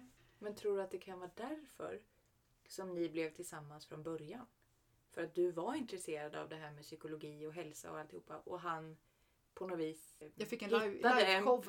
Ja, Nej men han hittade någon som han trodde kunde liksom ta Stötta över honom, ja. ansvaret. eller Absolut. stötta honom eller Ja. sådär. Ja. Ja men det tror jag absolut. Jag, jag tror också att han kanske målade upp en annan bild av sig själv. Han vågade inte riktigt visa den som han egentligen var när vi träffades. Mm. Och det är ju mycket möjligt att jag inte hade eh, velat gå in i en relation då heller. Så han kanske visade upp de sidorna som jag liksom trodde att eh, men det här blir bra. Vi har ju Mm. liksom samma intressen om detta och detta och detta. Och sen så visade det sig att vi hade inte det. Men man, det finns ju en sån här liknelse med att om du bryter benet uppe på ett berg och så kommer det någon annan och har brutit benet. Eller så kommer det en frisk person som är stark. Vem, vem väljer du liksom som ska stötta dig i livet? Mm, just det. Det är klart att man väljer den starka. Så att finns det en, en sårbarhet så är det väl... Nu menar jag inte att, att jag var, var... Jag var stark. Jag var ju inte kanske sunt stark. Men jag var stark. Mm. Mm. Jag menar inte att jag var den liksom, madonnan som skulle lösa alla världens problem. Nej, Absolut nej, inte så. Men, jag- men han, han idealiserade nog mig och satte mig på en pedestal. Ja, Mm. okej. Och som sagt, eh, på något sätt så lyckades vi båda skriva på det här kontraktet att jag var ansvarig för hälsan Mm. Just det. hos honom. Ja, gud vad intressant. Och sen, jag tänker sen efter separationen, hur mådde du då i dig själv? Så när det, när det hade fått landa lite och när det faktiskt, när du hade dig själv liksom, att eh, ta ansvar för och din hälsa. Och, Då började ju min återhämtning Ja. igen. kunde du absolut. släppa honom helt då eller har Det han tog funnits ganska... med i bakgrunden Det tog ett tag. efteråt? Ja, Mm. det tog ett tag. Mm. Eh, Det gjorde det faktiskt. Just den här... eh, Och där är det väl med beroendebiten att faktiskt ändå försöka hjälpa. Och, Mm. så det tog ett tag. Och när, när det ändå är någon också som man bryr sig om, tänker jag. Ja, det, man vill ju absolut. gärna att de ska må bra, de man har omkring sig. Ja, visst är det så. Så att det, det är inte så lätt alltid heller att bara Nej. släppa. Nej, precis. Men kom det en rädsla för att gå in i nya relationer Ja, i och med den relationen? ja det gjorde det. Ja. Eller ja, det, är- den, den är fortfarande aktiv. Mm. Mm, är... Ehm, Även om den börjar landa och jag börjar förstå att eh, jo, men det kanske finns friska relationer också och sunda Mm. och man kan faktiskt eh, man kan få mycket och man kan läka mycket i en relation. Mm. Vad Men handlar din ehm, största rädsla kring det om? eh, det är väl att jag ska ha kvar mönster. Att, eh, att jag drar till mig en person som fortfarande sen liksom vänder och visar sig vara något helt annat än vad jag... Att jag ska bygga upp en illusion om någonting som Mm. inte finns där. Mm. Att det inte ska vara liksom något, genuint och äkta bakom. Just det. Så lite så svårt att lita på människor helt enkelt. Eller svårt att lita på Ja. en ny relation. Ja. Fast det kan ju också ha hängt med att jag ända från start hade svårt att lita på en relation överhuvudtaget. Mm. Så jag tänker Från att, barndomen. Exakt. ja, så att Mm. samtidigt så ska det bli intressant att se vad, vad har faktiskt läkt så att jag inte behöver få en sån relation igen och vad, Mm. vad finns kvar? Eller hur? Men är du öppen för en ny relation då? Ja, Eller är men det du tycker liksom- jag att jag börjar bli faktiskt. Ja, att, du är eh, det. Ja. Ja. Så det här är också en Ja. datingannons. Vad tycker du om att göra Precis. Susanne? Ja. Gillar att gå långa promenader? Långa promenader, mysiga hemmakvällar. Vad söker du i ditt Mm. liv? Ja, men exakt. Eh, nej men jag tycker det ska bli intressant att se just det här hur man kan spegla varandra men där bägge tar ansvar för sitt eget Mm. bagage och att man faktiskt kan liksom så stanna upp i sina projiceringar och se men vänta lite nu. Mm. Vad är det du speglar hos mig och vad växer i, i, i dig när jag säger detta? Och, och att man kan ha en dialog om det och tillsammans liksom fortsätta utvecklas. Mm. Verkligen. Det hade ju varit givande tänker jag. Mm. Har du, har du gjort något försök och på riktigt liksom? Har du varit på några dejter eller något sånt? Har du vågat gå så långt och, och liksom verkligen... Eh, Det har inte funnits tid. Nej. Så kan man säga. Jag kan Ja. skylla på det. För det är ju läskigt. Alltså, Ja, det det är ju läskigt skitläskigt. att kunna bli Ja. avvisad eller... Det är läskigt att vara sårbar. Ja, Ja. men precis. Nej, men alltså det är väl ett ganska nyupptäckt eh, intresse. Eller vad ska man säga? Mm. Nej, men jag behöver ju, jag behöver ju uppenbarligen eh, bygga upp en ny bild. Jag har ju inte den bästa bilden av män Mm. med mig uppenbarligen. Nej. Eh, Så jag skulle gärna vilja få en, en ny role model. Liksom, Mm. Sunda, stabila Mm. män. Mm. Jag upplever att jag har inte haft så, så många bra exempel eller förebilder. Nej. Förlåt, jag, ja jag känner era män. Men jag känner dem inte så väl. Och det är lika Jag bra. Men har du haft några manliga vänner? Inte de sista, inte det sista decenniet faktiskt. Nej. Och det tror jag mycket hade med den relationen som var då. Att eh, eh, där fanns det en enorm svartsjuka. Just Mm. det. Så där liksom släppte jag all, alla som inte var läge, liksom. livsnödvändiga. Mm. Innan dess hade jag många. Mm. Nej. Så den här återhämtningsfasen som, som började för dig efter er separation. Mm. Vad, vad gjorde du för att bygga upp dig själv igen? Liksom? Det, det är en bra fråga. Hur återhämtade du dig för att läka dig själv? Jag tänker, alltså en del blev ju bara på köpet. Mm. Men absolut, jag började ju liksom i, i utbrändhet och, och utmattning och eh, några svängar liksom där. Mm. Så att det, det kommer ju ofta, har man haft mycket energiuttag så kommer ju liksom räkningen eller fakturan Mm. kommer ju sen förr Eller senare. Liksom, Mm. När det bara är så här, nu är det payback time. Så först blev du nästan ännu tröttare? Eh, ja, ännu absolut. Liksom Det blev jag. Lägre så. Mm. Eh, Nej men jag gick ju, har ju gått på väldigt mycket kraniosakrala behandlingar. Det är ju toppen för att liksom balansera nervsystemet och, Mm. Ja, och lugna stress. Jag har ju gått på det också själv för några år Mm. sedan. Då var det i och för sig i kombination med akupunktur. Men Mm. Det var under en period när jag hade det jättekämpigt med det här med tvångstankar och jag mådde inte bra i mig själv. Och då gick jag till en kinesolog och fick eh, bland annat kraniosakralbehandling. Och jag kommer ihåg det som ett typ alltså ett uppvaknande nästan. Jag hade gått Mm. där under ganska lång period. Mm. Att jag helt plötsligt bara mådde så bra i mig själv. Alltså jag Mm. kände en sån lätthet. Och bara, kan man känna så här? Mm. Behöver man inte gå runt och bära på den här tyngden? Eller Nej. Känslan av en liksom ångestklump eller sådär. Sen vet jag inte vad som var vad men eh, för min del så tror jag verkligen att det var effektivt med kraniosakral behandling. Det ju- hände ju någonting kemiskt. Både, för jag gick ju på samma. Mm. Jag gick ju på det först och sen så började Mm. du gå på det. Och efter ungefär en månads ganska intensiv behandling var det ju i alla fall för både dig och mig. Mm. Så kände vi av det fast du kände mycket starkare. Ja. För att du hade mycket mer ångest Mm. och mådde sämre. Så. Mm. Jag, gick ju dit, eller jag gick ju på behandlingarna mycket på grund av att jag hade så mycket huvudvärk och migrän. Mm. På grund av stress. Mm. Förstår jag ju efteråt men det förstod jag inte då. Mm. Och på grund av mat. Ja. Då åt jag fortfarande mjölkprodukter och gluten och sånt. Ja. Som inte min kropp mådde bra av. Mm. Så att då fick jag ju så här inflammerade utslag runt hela munnen och jag fick eh, på ryggen och bakom Mm. öronen. Och jättemycket huvudvärk som sagt. Mm. Och många olika fysiska och psykiska symptom. Mm. Men det, det hjälpte ju. Mm. Även fast det tog inte bort orsaken eller man ska säga. Det Du tog inte bort grundorsaken. nej, exakt, Mm. du behövde fortfarande rätta till det Mm. som i grunden var problemet. Ju. Alltså ändra Det kosten. tog ju bort lite det här symptomen, så, eller förbättrade Mm. symptomen. Men det var ju inte förrän jag slutade egentligen Mm. med mjölkprotein och, och mjöl och faktiskt slutade stressa så mycket Mm. som jag fick mer balans i kroppen. Men ibland behöver man ju den liksom skjutsen för att någonstans komma upp till en, en inte riktigt så lägsta nivå. Bara för att få lite ork för att göra Precis. de Ja, men förändringarna eller som krävs för Ja. att Mm. liksom, få det att börja vända åt rätt håll igen. Ja. Men det var ju verkligen, det kommer jag ihåg Jossan, att det var, det var första gången i hela ditt liv som du ändå hade mått lite bättre Mm. psykiskt. Jag vet.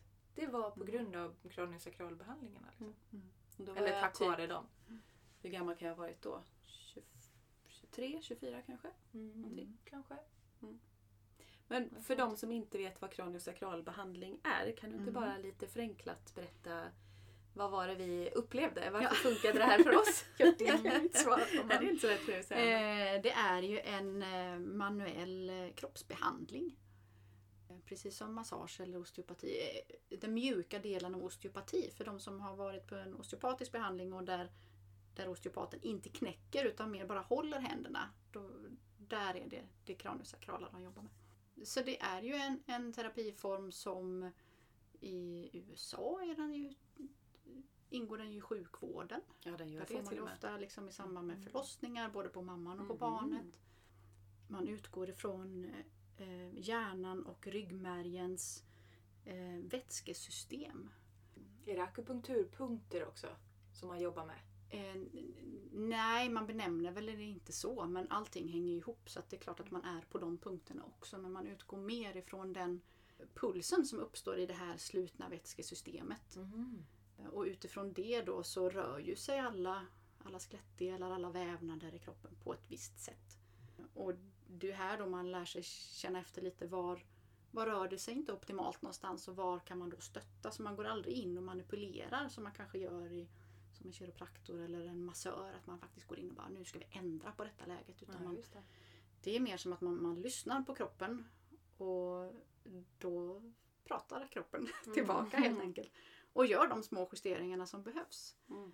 Och man bara håller egentligen på olika punkter Man då, håller på olika punkter. tryck liksom. Alltså, Ja, inte hårt men ändå man håller på olika punkter. ja, För på Precis. mig var det ju i nacken men Ja. jag vet att det, Ja, man det kan ju ha på vanligt. fötterna och så ja också absolut. va? Man kan ju vara var som helst på kroppen men Okej. ehm, i och med att mycket utgår ju från huvudet, Mm. alltså många nerver och, och just Mm. nacken där utgår ju jättemycket så, så är det alltid bra liksom, man brukar lägga till de greppen åtminstone beroende på vad, även om man kanske så vill bara jobba med levern Mm. så brukar man ändå jobba med, jag menar vagusnerven går ju och passerar nacken ner från huvudet liksom, och Och vad är vagusnerven nu igen då? Eh, Det är en av de här nerverna som, som styr jättemycket av eh, bland annat magen och, och lungorna och hjärtat och är, är väldigt eh, med i själva stressresponsen. Mm.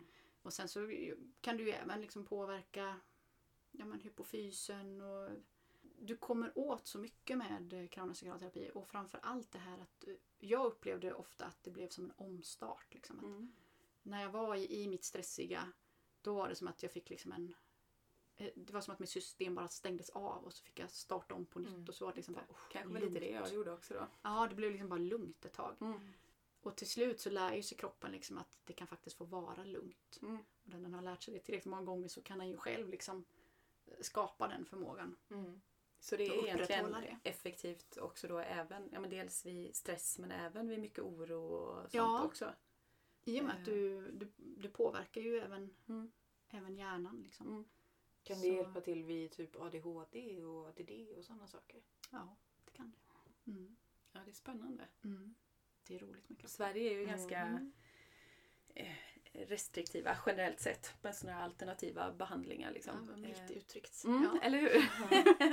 I'm Switzerland today. Ja. Nej, men det finns ju helt klart mycket, mycket att, att liksom pröva på. Det finns det Om man inte bara vill proppa i sig tabletter liksom, eh, för Ja. att må bättre. Ja, Så oh, att, ja. eh, mm. Jag brukar ju säga att jag är öppen för allt och jag vill, jag vill prova allt innan jag säger om jag tycker om det eller inte tycker om det. Eller liksom Mm. vad jag Mm. tycker. Och jag har ju provat ganska mycket olika Mm. alternativa behandlingar och vissa saker är inte alls för Mm. mig. Ja, är det De, de funkar säkert för Mm. många andra. Mm. Men för mig så var det inte det liksom Mm. som var ultimat. Men medan andra känner jag bara så här, det här var min grej. Ja. Det här gillade min kropp. Så. Och så fortsätter jag med det.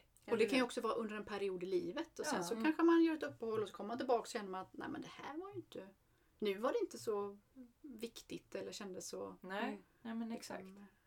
så himla bra som jag upplevde det förra gången. Eller, Nej. eh, och tvärtom. Att någonting man provar som man bara, äh, det där vet jag inte. Mm. Och det var min grej. Så kommer man tillbaka tio år senare och så bara wow vilken grej. Men det ska bli spännande att se hur det är i Sverige med det här med alternativa behandlingar och sådana saker. Alternativmedicin om typ 20-30 år. Mm. Jag tror vi är mitt i ett, eh, ett skifte nu. Alltså, Men jag hoppas det här ju det. året Alltså. har ju dratt igång eh, Ja. väldigt mycket att vi tittar på system som inte funkar. Och Mm. där är ju en, en stor bit som inte riktigt funkar. Och, Mm. Mm. och hur det faktiskt har blivit eh, Alltså det är ju nu, nu kanske, nu, det är nu jag tar på mig foliehatten och plockar fram alla mina timmar av konspirationsteorier. Men tittar man på hur, eh, hur läkemedelsbranschen faktiskt har slagit ut, alltså plöjt ner hela den alternativa som ändå fanns innan. Hur de aktivt liksom har använt kampanjer och liknande för att få till stånd den nya sjukvården vi Mm. har här. Så är det ju skrämmande liksom. Hur... eh, Jo, det är ju ganska konstigt för jag menar mycket av de här alternativa grejerna och sånt har ju funnits i tusentals år. Ja, men det finns inget Runt ekonomiskt av intresse. hela... Nej, det är ju det. Ja. Och det är det som är lite läskigt tycker jag. Att det är så mycket som styrs av pengar. Ja. Men att man kan lita så mycket mer på, på då den nya sortens medicin om man säger så. Jag Mm. tycker det är superbra att det finns båda Absolut. två måste jag säga. Mm. Men en hel del läkemedel hade ju inte behövt finnas Nej. om vi bara hade levt lite annorlunda. Nej. Och men där jag ligger det ju tänker- bara en ekonomisk vinning. Och där Ja. ligger det ett stort intresse i att behålla den bilden Ja. av att här kan vi inte göra någonting åt. Mm. Ja, men ta PCOS som exempel. Mm. Alltså för Som kvinnor. jag förmodligen har ju. Ja, ja, då brukar Mm. man säga, ja men ta p-piller. Mm. Vill du inte bli gravid, ta p-piller. Vill du bli gravid, sluta med p-piller och så tar vi det då. Mm. När det kanske handlar om att eh, ja, men du har en insulinöverkänslighet. Du har, Mm. Det är så mycket andra aspekter. Eller, Mm. det finns ju många läkemedel som bara är till för att hålla det. Mm. Alltså det löser inte problemet och du ska äta det resten av ditt liv. Och det ger jättemycket biverkningar. Ja, vilket ju gör dig till en väldigt bra kund för då kommer du vilja ha en ny Mm. medicin för något annat problem Mm. lite längre fram. Så att, eh, mm, Ja, det är lurigt Den det där. Man ska nog vara lite... Alltså, jag tycker att man ska vara öppet kritisk. Eller vad Ja. man ska säga. Man ska både vara öppen till olika saker men även ha ett litet kritiskt tänkande. ja, Både för det här med läkemedel mm, och för ja, men allt som finns egentligen. Mm. Jag har alldeles för det. lite kritiskt tänkande. Ja, Jag, jag är så här, Jag är det jätteskeptisk mot här allt. låter ju jättebra. Alltså, Ja. Det är som du och jag har pratat om, att vi är såna här suckers för reklam. Liksom. Ja. Verkligen, om någon säljer in, om, om det är en tillräckligt bra säljare så är vi liksom... Och jag är tvärtom. Så Så här, mm. Vad är det för baktanke? Vad är det för syfte egentligen? Jag skulle behöva vara lite När mer någonting så. smälls upp i media så är jag så här, okej, vad är det som vi, vi inte ska titta på? Ja, för att vi nu ska titta på allt detta då. Ja. Vad är det som ligger bakom egentligen? Liksom? Mm. Jag skulle behöva Mm. lite mer av det. Men får Men- du också... Förlåt, du får säga. Nej, jag skulle prata om något annat. Tar du? Mm. Är det ofta, eller känner du att det är mycket fördomar? Mot det här med kraniosakralterapi och, och det här med kosten som du pratar om Ja, och sådär. det stöter man ju på. Eh, sen mycket och mycket. Det är alltid ju en relativ grej. Men som högkänslig så är det alltid jobbigt med kritik. Och det här är ju en bransch där, där den som kommer med en avvikande åsikt får det här källa på det. Mm. Och ska vara den som försvarar när man egentligen bara vill säga jag vill bara visa att det kanske finns ett annat sätt att se på det hela. Mm. Man kanske kan prova här. Jag har erfarenhet. Jag känner till många som har lyckats med detta. Det kanske inte är för alla men det kanske är för några. Mm. Och då är det väldigt lätt att få stämpeln bara nej, det finns inga vetenskapliga belägg. Liksom, du är en fara för samhället som propagerar för sådana här saker. Och, Mm. Mm. eh, Varför tror du att det är så? Varför blir folk så aggressiva? Jag liksom, vet inte. eller Rädda, tänker jag upprörda? Ja, dels är det väl en rädsla och så vill Mm. man väl göra rätt och stå upp för det samhället som vi har blivit programmerade att tro att Mm. det finns men som Ja. bara är en illusion. Liksom. Mm. För jag tänker att det är många av oss, det är ju inte... Och en del kanske sitter på kunskap som de känner att om de tar till sig min kunskap så faller deras. Ja, ja, så de känner sig lite hotade Det kan ju vara så. i sin identitet. Istället för att se, åh vad intressant. För jag menar, jag har ju också stött på kunskap som gör att ja, men de teorierna som jag har trott att så här måste det vara. Och så kanske jag läser någonting nytt eller får höra någonting som bara Hmm, men det här eh, krockar ju med det som jag har tänkt här. Hur kan det komma sig? Då blir jag ju nyfiken för att se Ja men hur, hur, hur och varför kan detta krocka då? Mm. vad Hur är, hänger vad det är, ihop? hur hänger det ihop liksom? Mm. Medan vissa kanske har för mycket investerat i det och inte kan. Liksom. Mm. Är det väl kanske lite grann likadant som religioner, tänker jag. Ja, Alltså att vissa människor är ju, är ju väldigt så ja, men religiösa inom en viss religion mm, och tycker att alla andra religioner är ju jättefel. Mm. Det är klart att det inte är så. Min Mm. religion är rätta för det är det jag har Ja. fått lära mig. Och kommer någon då och säger att men så här kan man också tänka mm, så blir det som ett hot Mm. mot det som man har fått lära sig. Och det, ja, men det känns ju Ja. lite likadant. ja. Men det är ju det här, kognitiv dissonans pratar man ju om Mm. liksom, i psykologivärlden. Att Mm. När någonting, när du får reda på någon fakta som inte riktigt, eller som gör att den matchar inte med den Verkligheten, verkligheten som du Mm. tror att verkligheten ser ut eller som den är. Så, så är liksom, det är förnekelse, det är förlöjligande, det är mm, Mm. hånande. Mm. Sen kanske man börjar komma till att "Nå, kanske, okej jag kan titta lite närmare på det och sen så någonstans kanske man kommer till en acceptans. Mm. Och där sitter vi, alltså just nu är det ju jättespännande tider för det är ju mycket sånt här som poppar upp nu. Så att det, Mm. Mm. Kognitiv dissonans är något som pågår överallt just nu Mm. i hela världen. Men det är kanske är det som också leder till utveckling på något vis. Ja men det tror jag. Mm. Absolut att man faktiskt ifrågasätter och men det är ju bara att titta på Alltså hur ja. Återigen, jag har fortfarande foliehatten på mig så ta det med en nypa salt. eh. Eller hur ni vill. Mm. Men just den här, liksom, om man tittar på vad har vi blivit matade med? Och hur många gånger har det inte visat sig vara helt fel? Vi fick ju liksom höra, eller inte vi då, vår generation, men tidigare generationer att tobak är inte skadligt. Det Mm. går jättebra att röka när du är gravid, det går bra att röka jämt. DDT är jättebra, spraya på dina barn, spraya på din mat i ditt hem. Det är superbra. Vi har hört att amalgam är inte farligt. Vi, alltså, Mm. Neurosedyn, det är inga problem, bara käka. Mm. Och så gång på gång på gång så har ju liksom folk sagt nej men vänta lite nu, det är Mm. något som inte riktigt stämmer här. Mm. Och, så, och de har ju blivit liksom eh, hånade, tystade, fått sin karriär förstörd. Eller i värsta fall försvunnit Mm. ur livet. Och sen efter några år så bara Ja just det, de hade en poäng. De. Mm. Mm. Det kanske faktiskt var så. Jag menar idag skulle vi aldrig få för oss kanske att spruta DDT på maten. Men det var ju säkert de som vågade säga så här, men det här känns inte Ja. riktigt rätt. De blev ju säkert dömda, hånade. Som att de är människorna med foliehattarna. Liksom. Ja, ja Mm. absolut. Så är Mm. det ju. Kanske är bra att ta på sig den där foliehatten ibland och faktiskt Ja. vara lite Jag har den ofta. kritisk och ha Ja. lite egna så, teorier. Ja men äh, mycket handlar om sunt förnuft. Alltså Mm, det, mm, verkligen. Och så, ja, men så, så tycker jag mycket kring maten också. Nu har vi blivit indoktrinerade att tro att ja, men, makaroner och pasta och pizza det, det, är, det är varierad kost. Mm. Bara för att vi äter lasagne ena dagen och tagliatelle andra dagen och, och makaroner. Då har vi varierat oss. Mm. Eller att vi har liksom ja, men yoghurt på morgonen och sen har vi crème fraîche på, på lunchen och så dricker vi mjölk på kvällen. Vi har en varierad kost men Vi äter samma sak fast Mm. alltså, det är mjöl och det är mjölk. Och så varierar vi olika eh, sammansättningar av dem. Mm. Mm. Men brödet, pastan och pajen, pannkakan, pizzan. Det är samma sak. Mm. Det är bara olika form, det är ingen variation. Mm. Och sen då tro att det här inte på något sätt påverkar oss när vi, Mm. alltså vi har ju fortfarande våra stenåldersgener, det kommer vi inte ifrån. Nej, Det spelar ingen roll hur mycket marknadskrafterna vill få oss att tro något annat men det... Mm. Jag blir mer och mer fascinerad över, över det här med stenåldershjärnan, stenålderskroppen. Och hur mycket det påverkar oss egentligen. Ja. Och vad vi är, vad vi skapade för. Eller Ja. vad vi skapade att äta, hur, hur vi kan leva, alltihopa. Ja. Och det på det, äh, jag kan inte prata. Och hur det på något sätt liksom krockar med det samhälle vi lever Ja. i nu. Ja. För det är ju Det det är samma sak det här med att jag inser mer och mer naturens betydelse för vår hälsa. Mm.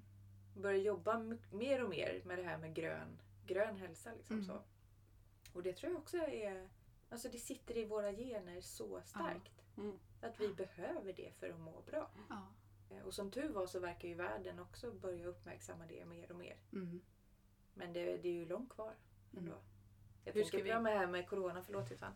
Jag tänker på det här med coronan, att det är sån kris. Men egentligen så är ju kris och utveckling betyder ju egentligen samma sak. Mm. Så det ska bli väldigt spännande att se Mm. hur världen kommer utvecklas. Ja. Hur Sverige, hur enskilda människor kommer Mm. utvecklas av den här krisen Mm. som är nu. Absolut. Det är mycket intressanta tider. Mm. Inte minst med maten och alltihopa sådana Ja. saker. Och stress som jag håller på med. Vad är det för någon mat eller livsmedel som man ska undvika för att inte hamna i den här inre kemiska stressen? Eller där? Mm. Det som stressar kroppen är ju egentligen att blodsockernivåerna höjs. Varje gång du höjer blodsockernivåerna så skickas adrenalin ut. Adrenalin talar om för bukspottkörteln att det är dags att skicka ut insulin och insulinet städar undan blodsockret. För det får inte vara för högt hög halt blodsocker i, i blodet för det är inte heller bra för kroppen. Så dels så får vi en, en reaktion när det blir för lågt. Då blir vi hungriga, griniga, sura. Eh, drama queens och Mm. Och, men när det blir för högt då har ju kroppen ett nedregleringssystem och då skickar den ut insulin. Och där har man ju sett att när vi äter mat som ofta ger oss den här höjningen, alltså att det blir lite för högt. Till slut så blir vi liksom också lite insulinkänsliga. Alltså kroppen blir lite trött på att det skickas ut för mycket. Det är så här, ja men sluta tjata, jag lyssnar ändå inte. Och så bara ännu mer insulin. Du måste höra, vi måste få ner nivåerna. Vilket hela tiden då som sagt, du har alltid ett adrenalinpåslag också. Och adrenalin vet vi om att då är det ett, en stressreaktion. Mm. Samtidigt är det ett litet moment 22 för att varje gång du stressar så frisätter du ju lagrad energi och fett. Vilket också pumpas ut i blodet och blodet känner av shit vilka höga glukoshalter vi har. Vi måste skicka ut insulin så vi får ner det här blodsockret. Så att du kan antingen få liksom en hög... Varje gång du stressar så har du också en blodsockertopp. Samtidigt som du kan få den av, av maten. Och den maten som man då pratar om det är ju den här det är de snabba kolhydraterna eller tomma kalorierna pratar man om. Man kan säga att det är den processade maten. Det är mat som innehåller socker, vetemjöl, alltså icke fullkornsprodukter egentligen. Alla typer av sötningsmedel. Majs, modifierad majsstärkelse till exempel. Och jag menar det är bara att titta på, har du en produkt som har en innehållsförteckning så, så hittar du oftast någonting av, Mm. av de här grejerna där. Så det ska, ska gärna vara så lite som möjligt i innehållsförteckningen då? Ja men om man tänker på en gurka och en morot behöver Mm. ingen innehållstäckning. Nej. Man vet vad det är liksom. Mm. Och så om man håller sig mer åt- fullkornshållet och Mm. inte vetemjöl. Inte då liksom bröd som är färgade med brun sirap för att se lite nyttigare ut utan att man faktiskt läser och tittar vad det är, Mm. vad det är som är innehållet. Och så är det ju något allt som slutar på Ål, eller det? Ja, O, L, I, N och OS kan man ha. Så om man inte orkar komma ihåg alla möjliga. Det kan vara inulin, maltodextrin. Ja, sen har vi nikotin och koffein. Det här kickar ju också kroppen. Och de mer olagliga.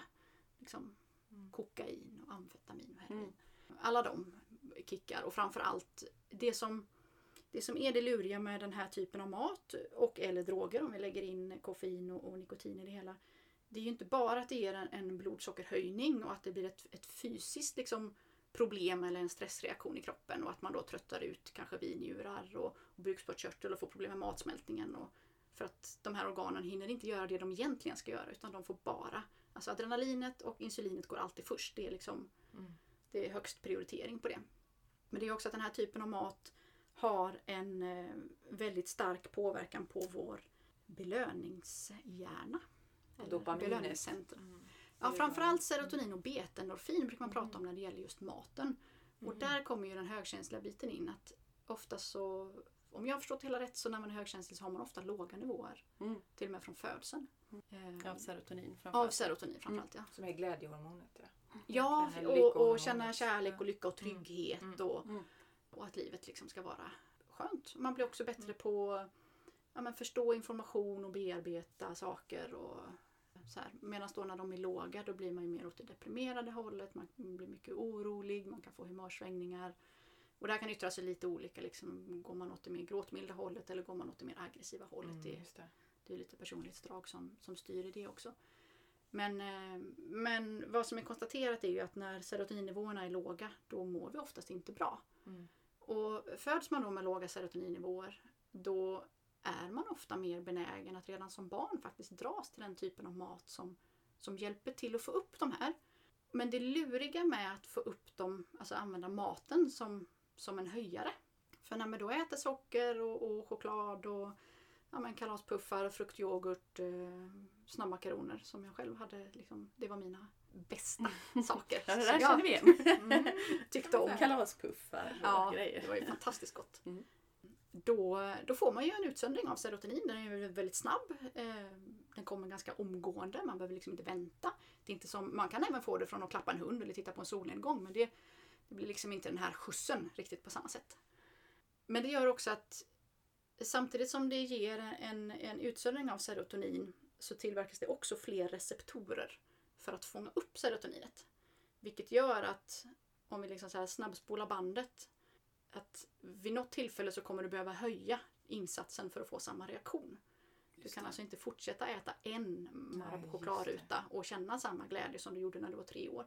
Så du kanske behöver en hel påse Mm. i 25-årsåldern för att ens komma upp liksom till Mm. något, någon lägsta nivå som man kan tycka är acceptabel. Just det. Och, och det är ju det här därför man säger att socker banar ju väg för framtida beroenden. För att du lär hjärnan att få mig. tryggheten och få den känslomässiga stabiliteten av kickarna. Och här, alltså, om, lägger man då in aspekten att ja, men om vetemjöl gör samma sak, socker, modifierad majsstärkelse, mängder med eh, sötningsmedel, allt, mycket av det där som man inte man kan knappt uttala det när man läser innehållsförteckningen. Många av de sakerna faktiskt bidrar till detta. Mm. Då, då ser man att vi, vi sitter på en, en liten bomb som kan explodera Mm. när som helst. Mm. Och det är ju lite rysk roulette att veta liksom hur, hur känslig är jag? Mm. När, när tröttnar mina binjurar på att skicka ut adrenalin? När, när slår min insulinresistans till? Mm. Nej men det, det, det svåra är ju också att eh, dels så kan man ju födas med låga nivåer och då är man ju mer benägen att dra sig till den maten. Och, men ju mer man äter av den maten oavsett om du hade låga nivåer från början eller inte så kan du vänja kroppen vid höga nivåer och då utveckla mer receptorer.